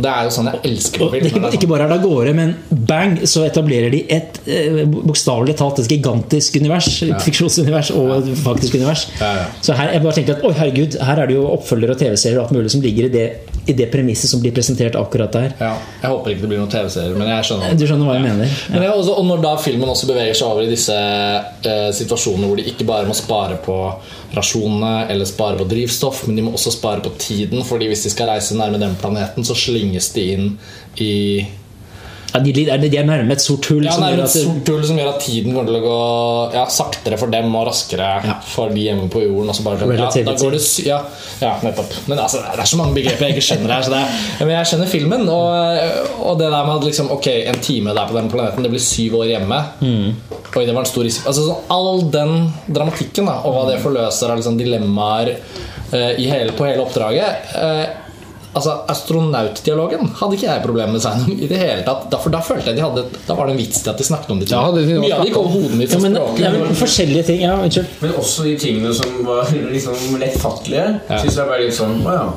ja nå, nå sa Matthew McConnell det at uh, han var så gammel der, og hun var så gammel der, eller et eller annet. Ja, da er det vel sånn, da. Hvor det, var så sånn, det ble heller ikke vist fram til mot slutten, da, da hvor det blir noe sånne Hvor man faktisk ser de forskjellene mellom mennesker i, med en liksom, tid som har forflytta seg. alt det der. Men før det så var det liksom, de, de var inni det der romskipet. Det var liksom teateraktig nesten. sånn at noen sier liksom Ja, nå har det gått så og så lang tid der og der. Og, jeg tenk, da synes jeg ikke Da var det lett å forstå, men da ble det også sånn ja, Litt befriende at de bare sier det istedenfor å gjøre noe stort nummer ut av det. Men det var også litt sånn Jeg vet ikke. Det ble litt uengasjerende, da. Litt sånn Men det er rart du sier det, for det, men nå snakker du om de praktiske liksom, altså narrative eh, verbaliseringen. ikke sant? ja. Men jeg syns kanskje det verste i dialogen De verste dialogscenene i filmen handler om litt banalisering og litt sånn unødvendig kvasifilosofisk greie. Spesielt en sekvens hvor Anne Hathaway skal snakke om hva kjærlighet er for noe. Den er det mange som har gjøvet seg løs på i anmeldelsene. Helt sikkert, og Jeg har ikke lest noen anmeldelser, så jeg vet ikke, men, men jeg reagerte på det. Jeg fikk flashback til en av de scenene som ikke fungerte så bra i Gravity, en film jeg for øvrig elsker. Men eh, Sandra Bullock har en lignende sånn selvransakende kvasi-greie i, i romskipet. Eh, og den føltes aparte, den føltes ikke naturlig. Det var Jeg er jo fan av at slik filosofi er helt fint, men du må kommunisere den via bilde, lyd, blikk, andre ting, syns jeg. Jo, men der synes jeg også at det, eh, Der er jeg faktisk litt uenig igjen, da. For der ble det litt sånn som du var inne på i stad, med, med Nolan som eh, det, er, altså, det, er en, det er en vilje til å prøve her, og, og til å kanskje feile litt og, og gjøre noe feilsteg og sånn. Men, men det der med altså, eh, Du sa også i stad at eh, ikke alle perfekte filmer nødvendigvis var bra. Og det er litt sånn at mer for å snu litt på det, at perfekte filmer kan også være bra. For jeg syns ofte, ofte at perfekte filmer blir uengasjerende. Og det betyr ikke at det er liksom elsker sånne Kurestable-filmer hvor man bare liksom skal la alt være opp til tilskueren. For det kan også være fryktelig irriterende og også litt feigt, egentlig. I hvert fall filmskaperens side. Sjelden hos Kiarostami selv, men hos de som prøver å etterligne hans. Da. Ja, ja, ja. Men man har et visst ansvar Absolutt. som filmskaper. Herregud, og det er- faktisk det er en ganske stor risk. Har litt retorikk, da. Ja, men, men jeg syns der i den, den eh, Altså den uh, lille biten der med, med Anne Hathaway, når hun snakker om kjærlighet, så tenkte jeg også litt sånn Og så rørende, egentlig. Christopher Nolan liksom prøver, han prøver han seg på noen greier her, og han prøver å være et menneske. og Boring. Nei, sorry. Jeg, syns. Nå høres du mer ironisk ut enn filmen forsøker på. Jeg, synes også, jeg tenkte ikke på den scenen som noe negativt i det hele tatt før vi tok det var Ja. ikke ironisk. Altså, jeg, jeg mener jeg, altså, I lys av liksom, det jeg ser på Christopher Nolan som, så syns jeg at det var Uh, altså det, det var noe med den ærligheten også i den scenen som jeg syns liksom funka. da Mindre snekker og mer poet. Ja. Mm. Ja, men jeg, jeg er veldig jeg, Men du- som jeg syns ble brukt altfor mye i Jeg men synes også, det er Dylan Er det det du Michael?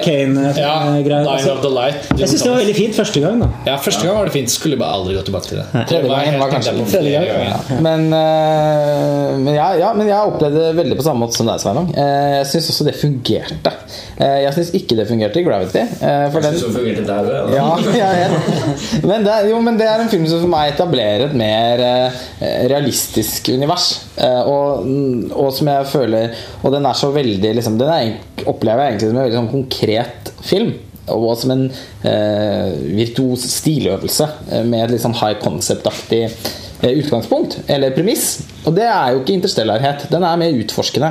Og nettopp pga. det så, så har jeg mye mindre problemer med å svelge en sånn filosofisk samtale Og det er filosofisk og filosofisk Problem, men det er liksom en, en sånn type litt poetisk betraktning om noe ganske banalt. da Men Det eh, er jo fordi de står over et dilemma. Ja. Hvilken planet skal vi dra til? og jeg føler at de forsøker å gripe etter en slags menneskelighet i det øyeblikket. Og eh, Anne Hathaway, som da eh, Jeg tenker at et menneske i den situasjonen Jeg har veldig problemer med å, å kunne si hvordan man oppfører seg i en sånn situasjon. Men jeg føler at hun blir rammet av en nesten sånn Blir litt sånn angstfull. Og litt sånn Men vi er jo mennesker oppi dette her, og hva er det Man prøver å rasjonalisere kjærligheten på et vis. Ja. Som egentlig gir mening. Ja, for hun, hun vil helst til den planeten. Jo, men Det fungerer bedre i det, når, når dilemmaet snus på hodet og hun, Hathaway kontro, kon, konfronterer. konfronterer eh, Conway Faen, da! McConaughey. Eh, med et lignende dilemma etterpå. For da må han ta stilling til sine barn osv., som er, ligner litt på hennes uh, dilemma.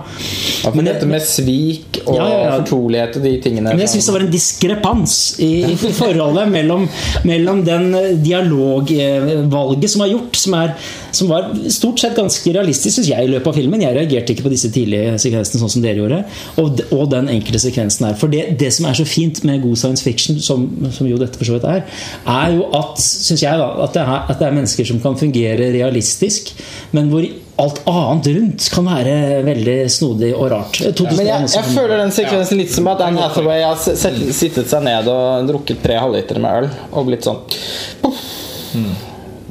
Og, og, og sier noe eh, Noe du mener, men som hun vanligvis ikke ville sagt. Nettopp! Fordi at man ville sensurert bort den måten å formidle den tanken på. I en annen situ- Men situasjonen er så presset og så rar at eh, jeg, jeg syns bare det var fint. Jeg. Opp til da i filmen så har hun jo Har hun jo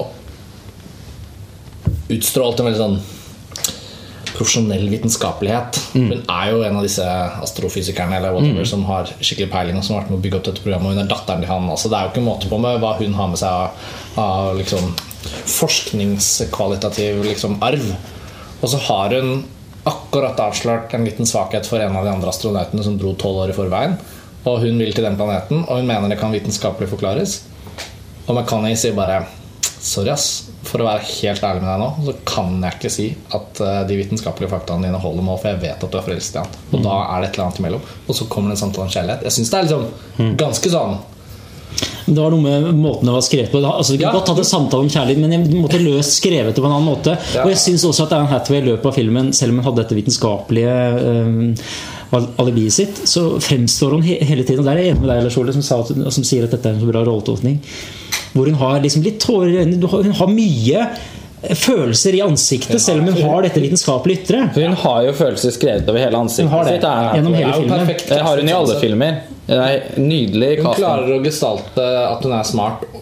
Ikke at det er en umulighet, men hun har en veldig god måte å bare formidle emosjonell Voldsom. engasjement. Og, ja, hun er, Samtidig som hun er ekstremt troverdig som en sånn Så blir hun ikke den klisjéfulle sterke, tøffe kvinneskikkelsen som er rapp i Nei, altså, Som er så og- veldig og- og- Det er ikke noe Ellen Ripley her heller. Nei, og så blir det, det blir heller ikke hysterisk, som en spesiell actionsekvens som vi kommer inn på med bølger og greier, hvor, hvor hun da blir, blir reddet. Da, og så blir hun ikke hysterisk av det. Hun, hun tar det jo litt tungt, men så, så går hun tilbake til sitt, sitt vitenskapelige altså, tar- den- sitt, pragmatiske jeg igjen. ikke sant? Ja, ja, ja. Så det, alt dette her fungerer så bra med mimikk og sånne ting, så jeg syns det var en, det var en anstrengt Jeg, jeg syns at Anne Hathaway fortjener mye skryt egentlig for rolletolkningen sin i den filmen. her Eh, eh, Jeg, jeg er veldig begeistret for henne generelt, men jeg, jeg syns det er imponerende hvor mye hun bind, bidrar til å liksom binde filmen sammen, Ja. eh, sånn tonemessig. Jeg syns du sa det bra innledningsvis at hun og Jessica Chastain har en sånn spesielt viktig funksjon i denne filmen med å, med å binde det sammen. Og, og, og ikke minst bare på parallellnarrativt plan. Da. Det er jo et utrolig sånn bra klipp et sted i filmen hvor de da har en videosamtale på tvers av uh, galakser. Og, og eh, ja, Det er kanskje Matthew McConney som ser vi Eller så er det henne. I hvert fall, Det er i hvert fall noe sånn at Jessica Chastain er på skjermen i romskipet, og så klipper vi til at hun skrur av opptaket nede på jorden. Kanskje på et helt annet tidspunkt. Og det er det første stedet, ja, men det er det første stedet hvor du hopper tilbake til den jordnarrativen. Jeg, jeg syns på en måte ja, at kryssklipping Ja, men det er, men det er der det liksom Ja. Men jeg synes at det, det Chastain- er når du blitt eldre. Og, Men jeg synes at Chastain og Hathaway på en måte får litt sånn, eh, sånn eh, Det er noe søsterskap. Samme funksjon på hver sin planet. Ja, fordi at de, de har også på en måte blitt sveket av den samme personen. da Faren sin. Mm. Eh, og på samme måte som, det, som Michael Caine sin karakter og Matthew McConaughey sin karakter har, liksom, har en parallell. Er litt sånn brødreaktige. Så fordi det blir liksom Og det syns jeg bare er antydet, da. At det oppstår en identifikasjon mellom Anne Hathaway ute i verdensrommet og eh, Jessica Chastain på jorden. Som jeg mm, ikke helt eh, kan Jeg må se filmen igjen for å kunne prøve å sette noen ord på det, men jeg syns bare det lå der og fungerte veldig, veldig bra. Eh. Ellers så syns jeg at det er litt viktig å snakke om, om disse spørsmålene og svarene. da Altså bare hoppe rett i det. Tenker du de store filosofiske Ja, eller slutten på filmen og hvordan ting går eh, når vi først er inne på spoilere. Liksom, så kan vi liksom snakke om det. Jeg, jeg, min umiddelbare følelse etter filmen var at den ga svar på absolutt alt den la frem av ideer og, og, og plottpoenger. Og at liksom etter å ha reist bortenfor eh, vår egen galakse, over en annen galakse, videre inn i et svart hull, over i en femdimensjonal virkelighet, eller hva det var, Som har blitt gjort å reise tilbake i tid og justere på og gi, tipp, og gi signaler tilbake i tid for at de menneskene på jorden skal kunne gjøre en øh, gjøre, en vitenskapelig frem, øh, gjøre et vitenskapelig fremskritt som igjen gjør at de klarer å redde seg unna, og at han blir Veldig likt som Inception. Jo, på, på sin måte. Han- Grave ned for å Ja. forandre noe som Ja, ja. eh, forårsaker eh, kausaliteten i et annet tidsplan.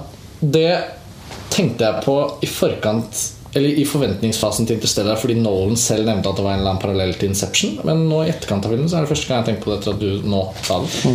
Det er jo et poeng. Men jeg syns at filmen i utgangspunktet hadde forklart alle sine spørsmål.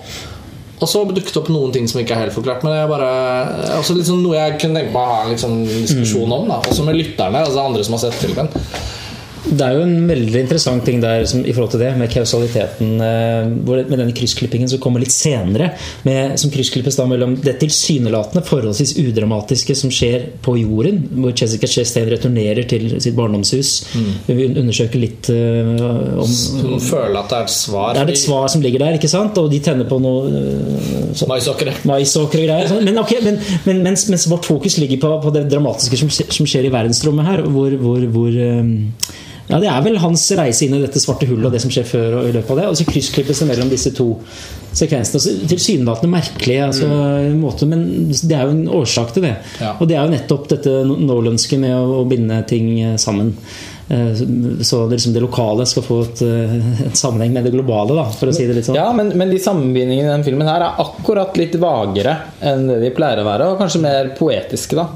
Apropos det du var inne på i stad, Sveinung. Ja, og jeg syns det til dels eh, hoppes litt for mye mellom eh, disse Ja, hva skal man si, da? Rommene Hva, hva blir det? Tidsplan. Spatiotemporale endringene. Ja, Der er vi det. Sånn at eh, Ja. eh, Men, eh, men ja, når, når filmen liksom begynner å snøre sammen mot slutten, så eh, uten at den da smøres altfor mye sammen, syns jeg, da, så, så gir det mening og eh, det, Ja, det gjør at selv om, selv om liksom brikkene legges på plass, så er det liksom gitt rom for å ja, fortsette, fortsette å føle seg fram litt. Da. Ja, det er, og det er noen ganske, ja, og det, ja, og det er noen ganske snåle ting som inntreffer her, vil jeg si. Altså eh, Idet Matty McConney går inn i denne nye dimensjonen eh, Han forsvinner gjennom et svart hull, forbi en horisont Ja. som vi ikke vet noen ting om. Ingen mennesker, Nei. ingen Og alt det der var ikke så Jeg syns ikke det var så glassklart. eh, Det er mulig jeg syns det blir klarere når jeg ser den igjen. Men kommer det da den, den ene roboten kommer, Man hører liksom stemmen med, med, med, med, fra liksom et eller annet sted. men Man skjønner ikke helt hvor det er, som forteller Eller som liksom nærmest hjelper Matthew McConney på vei til liksom skjønne Å, er det sånn det henger sammen? Men de har, begge reist, de har begge reist inn i det svarte hullet. Så de har jo på en måte begge Ja, men hvor er den roboten? Det, men, ja, det var, var litt sånn mye, ja. mye Det følte jeg ikke noe Ja, det følte jeg ikke behov for å få en forklaring på. i Jeg veldig på er Innledningsvis i filmen så snakkes det jo om noe they. Altså, det er noe alien som har eh, hjulpet menneskene på en eller annen måte med å komme seg av gårde for å finne en annen galakse. Det snakker de om. Og så på slutten av filmen, når McConney i det svarte hullet innser at han kan bevege seg på tvers av tid og rom, så innser han at han selv var den personen som ga signaler til sin unge datter da hun var liten. Og det ser vi jo i starten av filmen som et sånt ghost. Som er noe, det er noen gravitational anomalies, og det er noe som skjer på rommet hennes som hun prøver å liksom løse, for hun er jævlig smart. Og faren er litt sånn 'Jeg må dra ut i verdensrommet og vet ikke om jeg noen gang får se deg igjen', så kan ikke vi snakke litt om det? Og hun er litt opptatt av andre ting. Og så knyttes det sammen til logisk forklaring, ikke sant? vel De gjør jo det, på en måte. Ja, det er det som mitt Legger ikke filmen det frem? Jo, men det, er, det er- det er det er han hele tiden. Det er litt problemet mitt også, at han er så opp, oppsatt på å følge den der kausaliteten i historien. Av Nolan eller? Nolan. Ja. Ja. Han er per definisjon en, er en annen en, veldig, en, en, film, en filmskaper som er veldig opptatt av kausalitet. Ja, han er det, og det er kjempeflott. Inception og alt det som fungerer veldig bra. Men her sliter jeg litt med det, fordi det, her hadde den potensialet til å, til å vokse 2001-aktig inn, inn i noe mer abstrakt. Da. Du må ikke på død og liv. Når du først er så cerebral eh, som du er, så har du også muligheten til å ta det et skritt videre. Og min innsigelse er det samme. Jeg skulle likt at denne filmen i større grad etterlot meg med spørsmål og gåter på Så hvordan var det det egentlig gikk? Eller hvordan liksom Og ved første gjennomsyn så følte jeg det ikke i så stor grad. da Og så i etterkant da vi diskuterte litt før vi tok opp podkasten, så innså jeg at denne sfæriske dette sfæriske ormhullet Visualisert som en slags stor klinkekule. ja, som liksom reflekterer en, en form for oval eh, form i verdensrommet. Så det er liksom stjerner. Og det er veldig Time flott. bender. At når de reiser inn Ja, det er utrolig, utrolig flott. Men det er en av de tingene jeg føler at ikke kan forklares med at McConney senere i filmen eh, evner å reise i tid og sted for å hjelpe sin datter til å bli finne løsningen på uh, hvordan uh, man kan kommunisere gravitalt på tvers av På tvers av galakser. Gravitalt! Ja, flott. Men, nei, på et eller annet tidspunkt er det noen som sier sånn 'Gravity is communication'. Gravitologisk sett. Så. Uansett, da. Dette sfæriske århundret. Det er ikke forklart. Nei. Og så fant jeg ut at ja, da har jeg noe å søke til ved andre gjennomsyn. Og hvis det er noen som føler at de kan forklare hvordan det Jeg syns at noen av de tingene som skjer, er såpass langt ute. Altså for meg er det ikke logisk. Jo, i men jeg, jo, men jeg synes at det, Ja. Jeg. Ja, jeg er mer i Sveinungs båt uh, her. Jeg. Det var, Nei, for, jeg helt, altså disse, disse, det var noen veldig snålige ting disse klinkekulene er lagt der for å lage noen slags narrativ koherens. Kanskje jeg har for lite kunnskap. og- og- i motsetning eh, til- Kan veldig lite om Ja, og I motsetning til 2001, hvor eksempel ting er bare lagt inn for å kommunisere noe, noe filosofisk. Mm. Altså noe, noe, noe, noen eh, soverom og noen bilder og noen psykotiske reiser. Her kan man, Der går jo tolkningsmulighetene i alle retninger. Mens her føler jeg at disse rare elementene, disse ellipsene som eksisterer, skal liksom ha en narrativ funksjon for å binde filmen sammen. Og det er Men jeg føler at hvis den hadde glidd over i sånn 2001-land, så tror jeg kanskje jeg hadde syntes at det kunne blitt litt sånn teit. Eller jeg bare føler ikke at det Det er ville blitt pretensiøst på en måte. Ja, for det vet jeg ikke det, Da ville jeg følt at Nolan kledde på seg en drakt litt bare for å gjøre det. For jeg er Eh, litt enig med deg at det ville blitt rart. Men jeg føler likevel at konklusjonen er så lenge den ikke etterlater meg I hvert fall etter min smak da med i større grad noe gåtefullt og noen spørsmål, så strekker den seg ikke mot å være en like fantastisk yeah. science fiction-film som den kanskje kunne vært. Nei, men, film. nei, ja, men altså, det er absolutt ting som kunne vært enda løftet enda mer. Men eh, for meg, jeg syns sammenligningen med 2001 er liksom jeg føler at folk eh, ropte om de før filmen i det hele tatt eh, Før man i det hele tatt så så mye som et bilde fra filmen. eh, Fordi at man vet at Nolan er så opptatt av Kubrick. Fordi det er så lenge mellom hver gang det kommer en sånn science fiction-film som det er knytta litt mystikk rundt. Ja. ja. Og jeg, min umiddelbare reaksjon er at jeg fikk mye sterkere assosiasjoner til Solaris av Tarkovskij. Eh, og i og for seg Steven Soderberg, Det er men masse flere spørsmål. Masse måter hvis Ja, den er- den er- sine filosofiske spørsmål. Ja. Helt til og med fra starten med noen, noen rennende elver. Og, Da er det Ja. Ikke Tarkovskij. Og det er litt sånn jeg, jo, ja, Kom det litt jo, men si Men det prøver han ikke. Faktisk så tenkte jeg på det helt fra Det kan hende fordi vi snakket om at på samme måte som man begynner å sammenligne med 2001, så begynte jeg å tenke litt Solaris allerede før jeg hadde begynt å se filmen. Men jeg tenkte faktisk på det allerede fra det første bildet, hvor du kommer dalende ned noen sånne Støv i sollyset på bokhylla. Så tenkte jeg liksom, å, litt sånn Solaris Tarkovskij-aktig. Eh, Men jeg forventa jo ikke at Nolan skulle liksom gli over i den sfæren, for å si det sånn. Eh, Så jeg, jeg er liksom fornøyd med filmen. Det høres ut som jeg er kjempeopptatt av Christopher Nolan.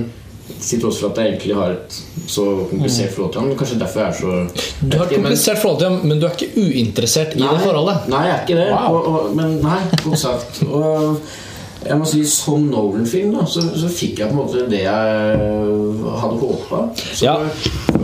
ja. Hvorfor ikke dra den Solaris-greiene? Liksom, fordi jeg er enig. Det er jo selvfølgelig Det er en, ja, en, en, på en måte en langt mer gåtefull film igjen. Samtidig som jeg også syns at Solaris på mange måter er en av de Tarkovskij-filmene som eh, eh, Selv om den er støpt i en liksom mystisk form, også er ganske sånn Om ikke kausal, så syns jeg den går litt opp.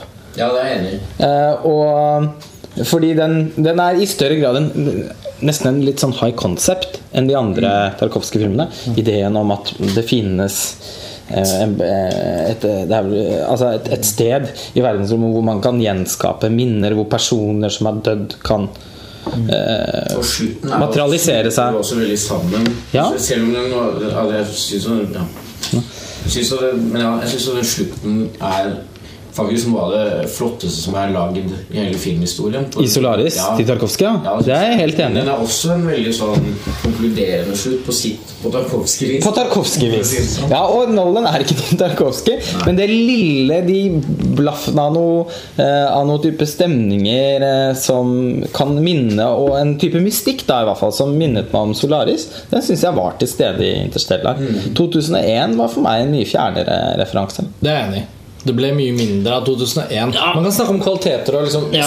sånn strekk og liksom ambisjoner og sånn, men som, som film Jeg syns nesten 'Sunshine' er det. Ja, vi har- vi har nevnt- Solaris er en mye mer narrativ film enn Det er 2001 en romodyssé. ja, men det er jo mange paralleller. Altså Sunshine har blitt nevnt. ja. Jeg nevner Event Horizon, en av mine personlige favoritter, som har også til og med nesten samme tematikk, med sorte hull og reise og sånn.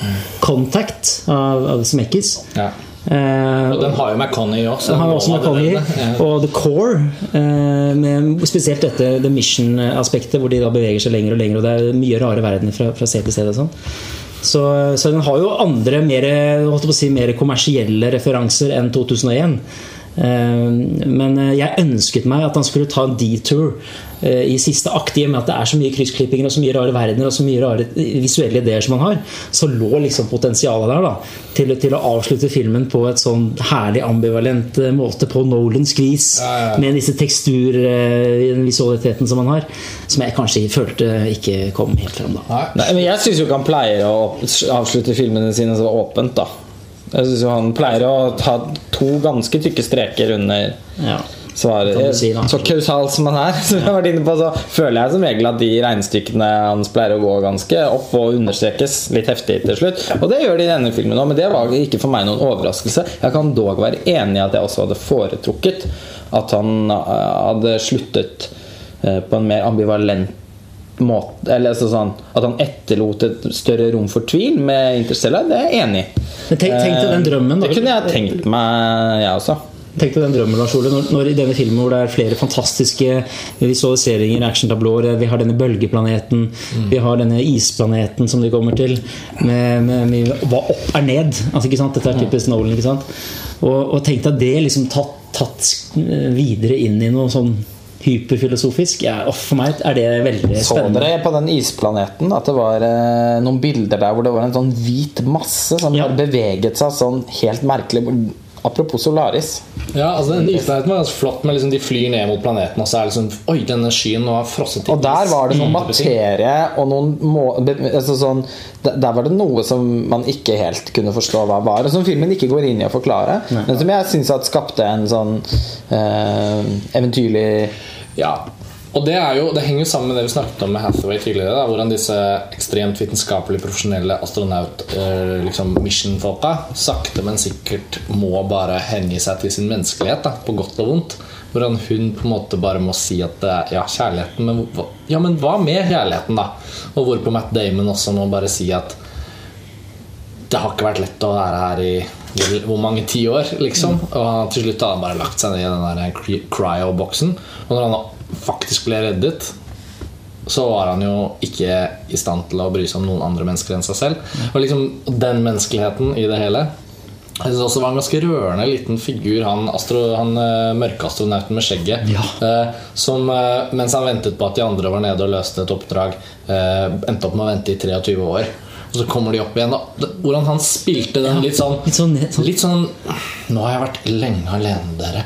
Stemmen, alt var liksom holdning. Ja, Han hadde liksom Ja, det var sånn Han hadde vært mye alene. Ja, men det, det var Det likte ikke du? Nei, det syns jeg bare var dumt. Nei, det synes jeg var litt fint. jo, det var noe med Jo, det var litt fint, men det var ikke noe sånn at det, og Han bare forsvant, og så kom han liksom tilbake, og så Ja, nå har han vært der i 23 år, og Og ja. Så, altså, så, jeg antyder ikke noe grått i skjegg og Men så du ikke på holdning? Altså på blikk og Ja, for det var det var, det var liksom så Nei, jeg, jeg bare syns det var rart. Ja, men Det var bare en liten ting. Men i hvert fall det at, Ja. det at dette vitenskapelig profesjonelle hele tiden blir brutt ned til menneskelighet, er jo egentlig også filmens tematikk til slutt. At liksom Når alt er eh, løst og menneskene har kommet seg av gårde fra jorden, så er det liksom Så er det så føler jeg filmen slutter på en sånn tone hvor, hvor det ikke skal bli abstraksjoner. Så synes jeg. Når vi snakker om den scenen der, da han som har ventet i 23 år, så syns jeg for meg i hvert fall Men det blir veldig en smakspreferanse. Men jeg syns det var fint at han eh, Om ikke anonymiserte, så liksom på en måte abstraherte litt det hvordan alder manifesterer seg i utseendet. Jeg synes det var veldig fint at han ikke klasket til med masse sminke og rynker. Og, Prometheus style. ja, det ja, J. Edgar-style. J. Det er den filmen som skal få Kutte den meg skammen. Eh, Det syns jeg det var veldig fint at han gjorde. Ure, ja, lite autentisk på en måte, men det syns jeg var helt ok. At, at Michael Kane på en måte aldri ble så veldig mye eldre, og sånn syns jeg var helt greit i denne filmen. Det var noe jeg ikke hang meg opp i. Nei, jeg hang meg ikke opp i det. Men jeg syns jo også den Jeg tredje hadde hengt meg opp i det hvis det var sånn dårlig sminke. Da, da, da oh. Jeg at det ble litt karikert likevel. Du syns det var for greit for han å ønske dem velkommen etter 23 år? Ja, det du- ja. Samtidig som han liksom skulle ha den Akkurat som noen av liksom, Kristoffer Norden har sagt at Men husk da, du har liksom vært der i 23 år. Se i hvert fall litt sånn molefonken ut. Og så gjorde han det, og så var det liksom Ja, det var litt som på en måte han hadde, vært, han hadde stått og laget en middag, og så hadde de vært ute og lekt lenge, og så kommer Til hans Nå var deres nå var, Ja, nå har maten blitt kald. Det var litt Til, Det var ikke dette vi avtalte. Til hans forsvar så hadde han ikke vært der i 23 år. da Han har tatt noen sånne cryo-sleeps underveis. Ja, så det er ikke 23 år eh, eksakt. Men Nei. Ja, Han forklarer jo på Nolan-vis at han Og har ikke han- ønsket å sove bort alle de 23 årene. nettopp og da, Så da har han jo ikke blitt 23 år eldre. Han har bare blitt x antall år. Ti, eldre. kanskje. Ti år. Ja, anyway. Uansett, da, det er ikke et viktig poeng. Jeg synes bare dette var fint med at liksom, det var en sånn slag tematikk om dette med at det er menneskeligheten han prøver å få fram her. Og det er liksom komme tilbake til datteren sin. Det er liksom alle de det er liksom det filmen handler om. Og det kanskje ligger der også da noe av svaret på at han ikke antar en sånn astrofilosofisk dimensjon som er sånn Hvem er vi? Hvor er det? Og aliens og Eller ikke aliens, eller forskjellige Det blir til slutt sånn at konklusjonen er litt sånn her har vi et spaceship som heter Elysium, hvor vi kan bo og ha fine Ja. hager og koselig. Og liksom. Jeg synes, jeg synes det, men ja, det, Ja, men det var, For meg var det bare litt Elysium på slutten. Ja, det var litt Elysium på slutten Men der. det var veldig mye flottere visualisert er så- enn i Elysium. Jeg er såpass lite opptatt av Elysium. Ja, den var jo helt si jævlig. Det heller var mer sånn Jeg så en liten ting i Elysium som kunne vært gjort så mye bedre. Se på dette. Ja, for det var litt sånn, syns jeg. Uh, selvfølgelig ikke at filmen skal komme så Nei, det- skadeskutt ut av den samlingen Nei, Men Matt eh, Damon, Jodie Foster Jodie Foster var i Contact, Matthew McConney var i Contact. Altså 60 Degrees of Separation. De eksisterer i samme univers. femdimensjonale univers. ja, skulle den løftet seg opp til noe sånn meta-meta-intertekstuelt nivå, så kunne det kanskje. Altså, Ideelt sett så hadde Matthew McConney tatt en runde til i bokhyllen og funnet det. Ja. og gått inn i Elysium og fiksa litt på den. Men en annen, en annen ting som jeg føler vi må snakke om, er jo filmens eh, stil. Altså filmens visualitet. Han har jo byttet fotograf. Wally Fister, eh, som har vært hans eh, faste fotograf eh, fra og med Memento. Eh, har jo selv ønsket å bli filmskaper, tydeligvis med vekslende hell. Eh, jeg har ikke sett 'Transcendence', men okay. den fikk jo eh, mildt sagt eh, lunken mottakelse. Men jeg har alltid vært veldig fan av Wally Fister. Det uttrykket som Wally Fister og Nolan har skapt sammen. Åpenbart veldig inspirert av Gordon Willis og Andrzej Bartowiak. En fotograf som Sidney Lumet arbeidet en del med. Eh, Og, og, litt, og i Dark Knight, men mer sånn Michael Mann-aktig. Men den skiller seg litt ut visuelt, egentlig, med de blåtonene og sånn. Det er ofte en sånn bronseaktig look på disse Nolan-filmene som jeg er veldig svak for.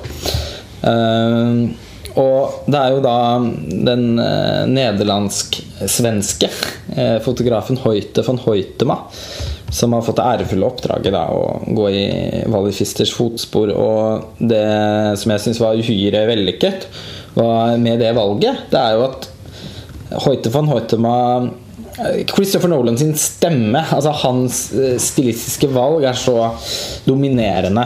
Så det er veldig Altså, den føyer seg veldig looken Filmens look er umiskjennelig nolansk. Samtidig som at på samme måte som at filmen flyter litt mer ut enn andre Nolan-filmer, så føler jeg det liksom eh, speiles i fotoarbeidet, da, som er litt mer søkende, mer poetisk, som er veldig typisk for Hoite van Hoitema. Da. Samtidig som han har det er noe med ja, den litt sånn bronseaktige lyssettingen og bruken av sort. En sånn fantastisk dybde i, i, i sortnivåene, hvis man kan snakke om det i, i filmen, som jeg syns var helt fantastisk. Eh, og Som er veldig i tråd med de tidligere Nolan-filmene, men jeg føler nesten at de har dratt det enda lenger. Fordi Hoite van Hoite var kanskje litt mer vågal enn Fister der. Og at han bruk, i større grad bruker lys og motlys og eh, og at litt mer liksom flytende kameraarbeid og sånn som passet utmerket for filmen. Og uh, som gjør at jeg Jeg håper jo virkelig at Hoyt van Hoytma og Nolan fortsetter å gjøre ting sammen. Hvis Så det var uh, Altså Foto i denne filmen må jeg bare si at jeg syns var helt ekstraordinært flott. Det er jo, nå er det jo blitt en begivenhet å se filmer som er skutt på film. Og denne da både på 70 mm og 35 mm. Vi har jo ikke sett den på Imax. Vi har heller ikke sett den på film. Eh, Vi så den på pressevisningen eh, i Tankred på Filmens Hus, som kanskje er det beste stedet i Norge å se film. Så selv om det var en digital projeksjon, så var det en veldig flott projeksjon. Ja, bra lyd. Og utrolig bra lyd. Eh, men jeg For meg er Ja, jeg syns jo faktisk det er en begivenhet da, å se filmer som er laget på den måten. Det er så mye tekstur i bildene, og eh, produksjonsdesign òg. Har sånn helt sånn fantastisk eh, nedtonet slitt. Eh, jeg følte at jeg kunne ta på alt der. Romskipene. Ja, det var så- Bare for å snakke om det. Å, det var så bra! Og, og operasjons... øh, liksom man kalle det? Altså, det var alle disse knappene og alle styringsmekanismene. Alt inni. Det var veldig sånn håndfast og old school. Alt Veldig sånn re retrofitted, tror jeg det heter. Litt sånn som du sier i Blade Runner og Alien-filmen også. Ja. At det er brukt mekanikk, men i en veldig moderne, veldig moderne Ja. sånn Det er typisk for Nolan. Da. Det er jo en av hans liksom, kjepphester. Ja. Men, ja, men det ser liksom mer ut som noe fra en gammel James Bond-film enn en ny sånn CGI-fest.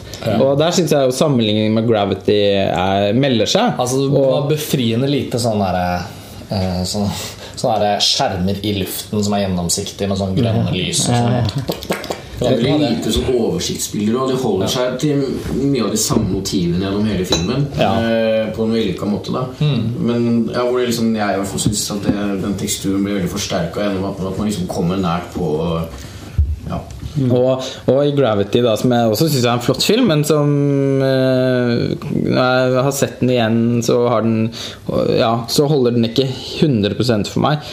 Og det handler nok litt om at jeg syns at den jeg respekterer den veldig som en stiløvelse. Altså, utrolig flott gjort som det. Men den er også såpass gjennomdigital for meg at noe av den Apropos liksom At den kanskje blir litt vektløs, da. I enkel, altså, den er utrolig Altså, den er mer malerisk i sin liksom Og kanskje den er virtuell i cinematografien. Altså, den Ja. slekter mer på dataspillet sånn sett. Nettopp. Altså det, og det syns jeg man faktisk kan Selv om effekten i filmen er veldig veldig bra, så syns jeg det er noe med de romskipene Med alt der som er litt mer sånn virtuelt, da. Eh, som passer for den filmen. Men ut ifra min, mine preferanser så synes, så blir jeg eh, Rent visuelt, da, eh, så, så, så opplever jeg en større glede av eh, Jeg syns det fotografiske uttrykket her faktisk blir mye mer spennende, da, for det er mye mer tekstur. Ja, og det, liksom det der romfartaktige får en sånn merkelig eh, vitenskapelig troverdighet av at du føler at romskipet litt er sånn at McConney kan åpne et sånt, en luke og mekke med noen ledninger, og så, Ja. så jumpstarte romskipet nesten. Du føler det på Og når de legger seg ned i cryos, så er det i vann. Ja. Som er liksom ordentlig vann. Som plasker litt rundt. Og, I noen poser og greier. ja, så det var, Ja, det var flott, syns jeg. ja, veldig flott. Og, også, og jeg, Da Matt Damon kom ut av den, så så man at det var varmt vann. jeg setter pris på at Christopher Nolan med sin liksom puritanske måte å lage film på lar filmfotografen få lov til å være så fremtredende som han gjør. Og det synes Jeg eh, Jeg syns jo faktisk at Emanuel Lubezki forsvant litt i 'Gravity', eh, kontra hans arbeid for Terence Malick. Og også chill. Og 'Children of Men'. Ja, Jeg syns ikke det, da, men, det fordi, men jeg syns også det blir litt urettferdig å sammenligne på filmene. For det er to filmskapere og to fotografer som har prøvd på ganske forskjellige ting. Det er jeg helt enig i. Som i egentlig begge tilfeller gjør noe litt nytt. Eh, innenfor litt nye rammer, men som jeg syns klarer å beholde liksom, si- sitt særpreg. Da. Men Det er så to forskjellige filmer. og Jeg syns Gravity er så vellykka også visuelt. Men, Ja. eh, og det, men det blir det, Jeg er enig i at det er, det, er, det er ikke meningen det er, det er ikke for å benytte anledningen egentlig til å snakke Gravity ned. eh, Fordi jeg syns også det er en visuelt veldig imponerende film. Men uh, så, jeg er såpass eh, det, det går bare på personlig smak, egentlig. Men altså, sånn, min svakhet for, for foto i film og for filmfotografers arbeid er bare, går bare litt i en annen retning. Jo, men jeg, Det er helt enig i. Sånn rent filmfotografisk sett, rent sånn løsrevet fra effekter og alt sånt, så syns jeg det er mer imponerende det fra noe man gjør i Interstellar, enn det Rubeski gjør i Gravity. Men, eh, men igjen, altså det for meg så er det sånn Gravity etterlot meg mest altså, Det var en større visuell opplevelse for meg. Gravity, ja. ja.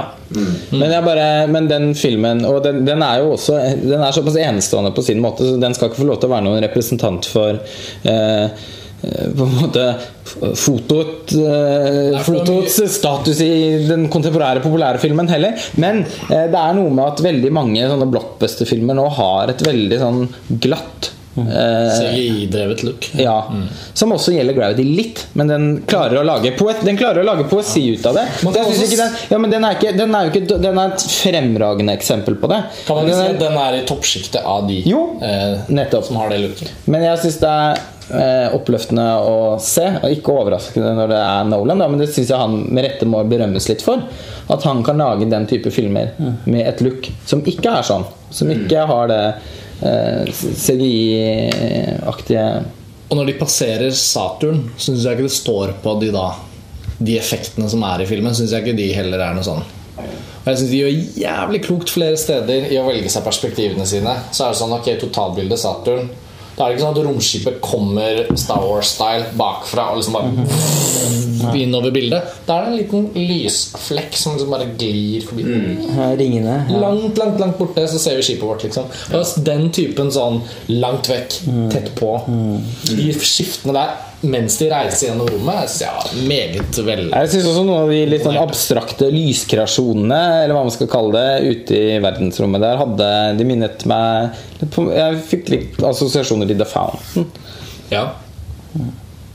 Eh, den er jo da Det er jo laget med olje og maling, og Ja, det var en veldig spesiell teknikk de brukte Ja. for å lage de. Du mangler jo ikke på spatiotemporal reise i The Fountain heller, da. Som er veldig vanskelig å sammenligne med, fordi den er så Den er så mye mer um, uvirkelig, for å si det sånn.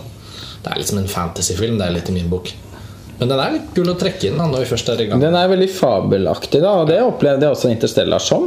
Eh, hvis... Veldig litt plumphet i begge filmene.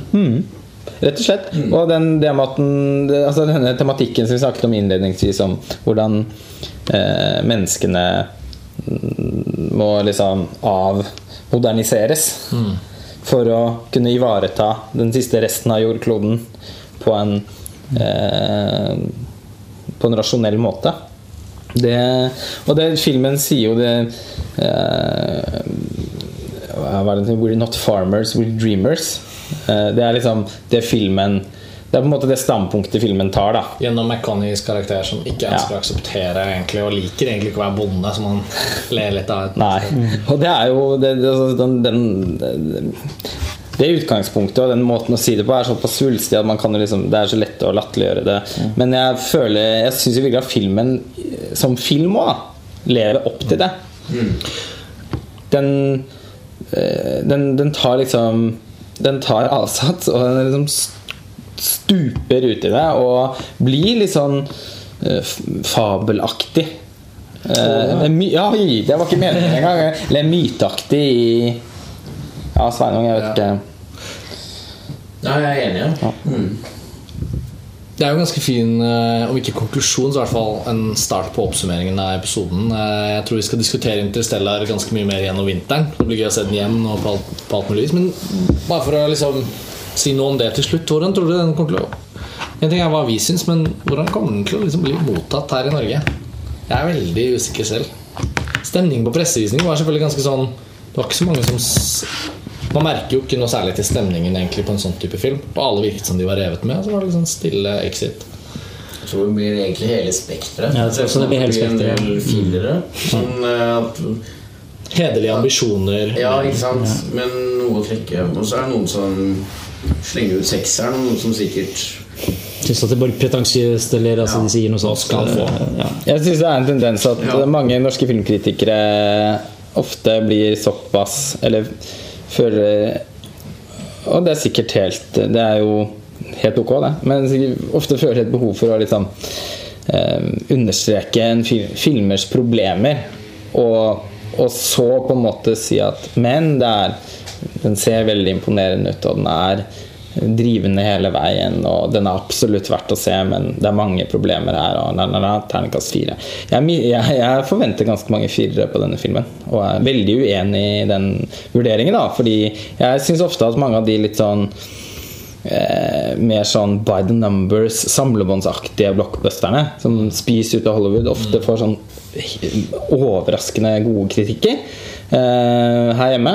Og som jeg ikke Og det, det formidler begeistring som ikke jeg klarer å kjenne meg igjen i. da Men der er man jo forskjellig. Men jeg synes jo Det er forskjell på de òg, da. ja, ja, altså det, Spennet er der alltid. Men jeg føler liksom at når det er noen filmskapere som virkelig klinker til, prøver på noe sånt, og ikke liksom lykkes 100 hele veien, hvor det er litt sånn tyggemotstand, og ikke bare i positiv forstand, de føler jeg ofte blir liksom moderert, liksom satt litt på plass, eller liksom dratt litt ned mot bakken. da Eh, Det husker jeg var tilfellet med The Tree of Life òg. Den fikk jo sin Den eh, Den fikk jo sine treere og firere Måtte jeg forsvare i nasjonal radio.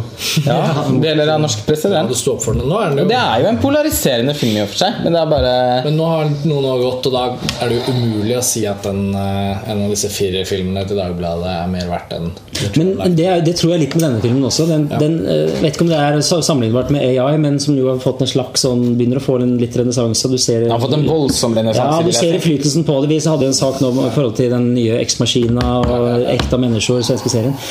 Jeg vet ikke om denne har den samme, men jeg, den har potensial til å bli en litt sånn post Uh, akseptert Ja, jeg serial øh, sci-fi. Jeg føler den er Som litt sånn utforsker spatiotemporale dilemmaer.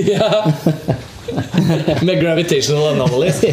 Jo, nei, men for å liksom For å si noe om dette helt til slutt, så syns jeg jo det. At den føles som at den er litt sånn lagd for the ages. Altså, Den blir mottatt som den blir, og den kommer jo til å tjene penger. Så jeg tror ikke det blir noe issue der. Men jeg kjenner jo på meg at den liksom Den kommer Jeg tror ikke den kommer til å bli dårligere, liksom. Man er, jeg er litt sånn puzzled på et vis av liksom første, første møte med den, men eh, jeg tror dessverre det kommer til å ta ganske lang tid før vi får en like ambisiøs science fiction-film. Og særlig en, film som er lagd med såpass eh, analogt eh, teksturale virkemidler. Da. Så nei.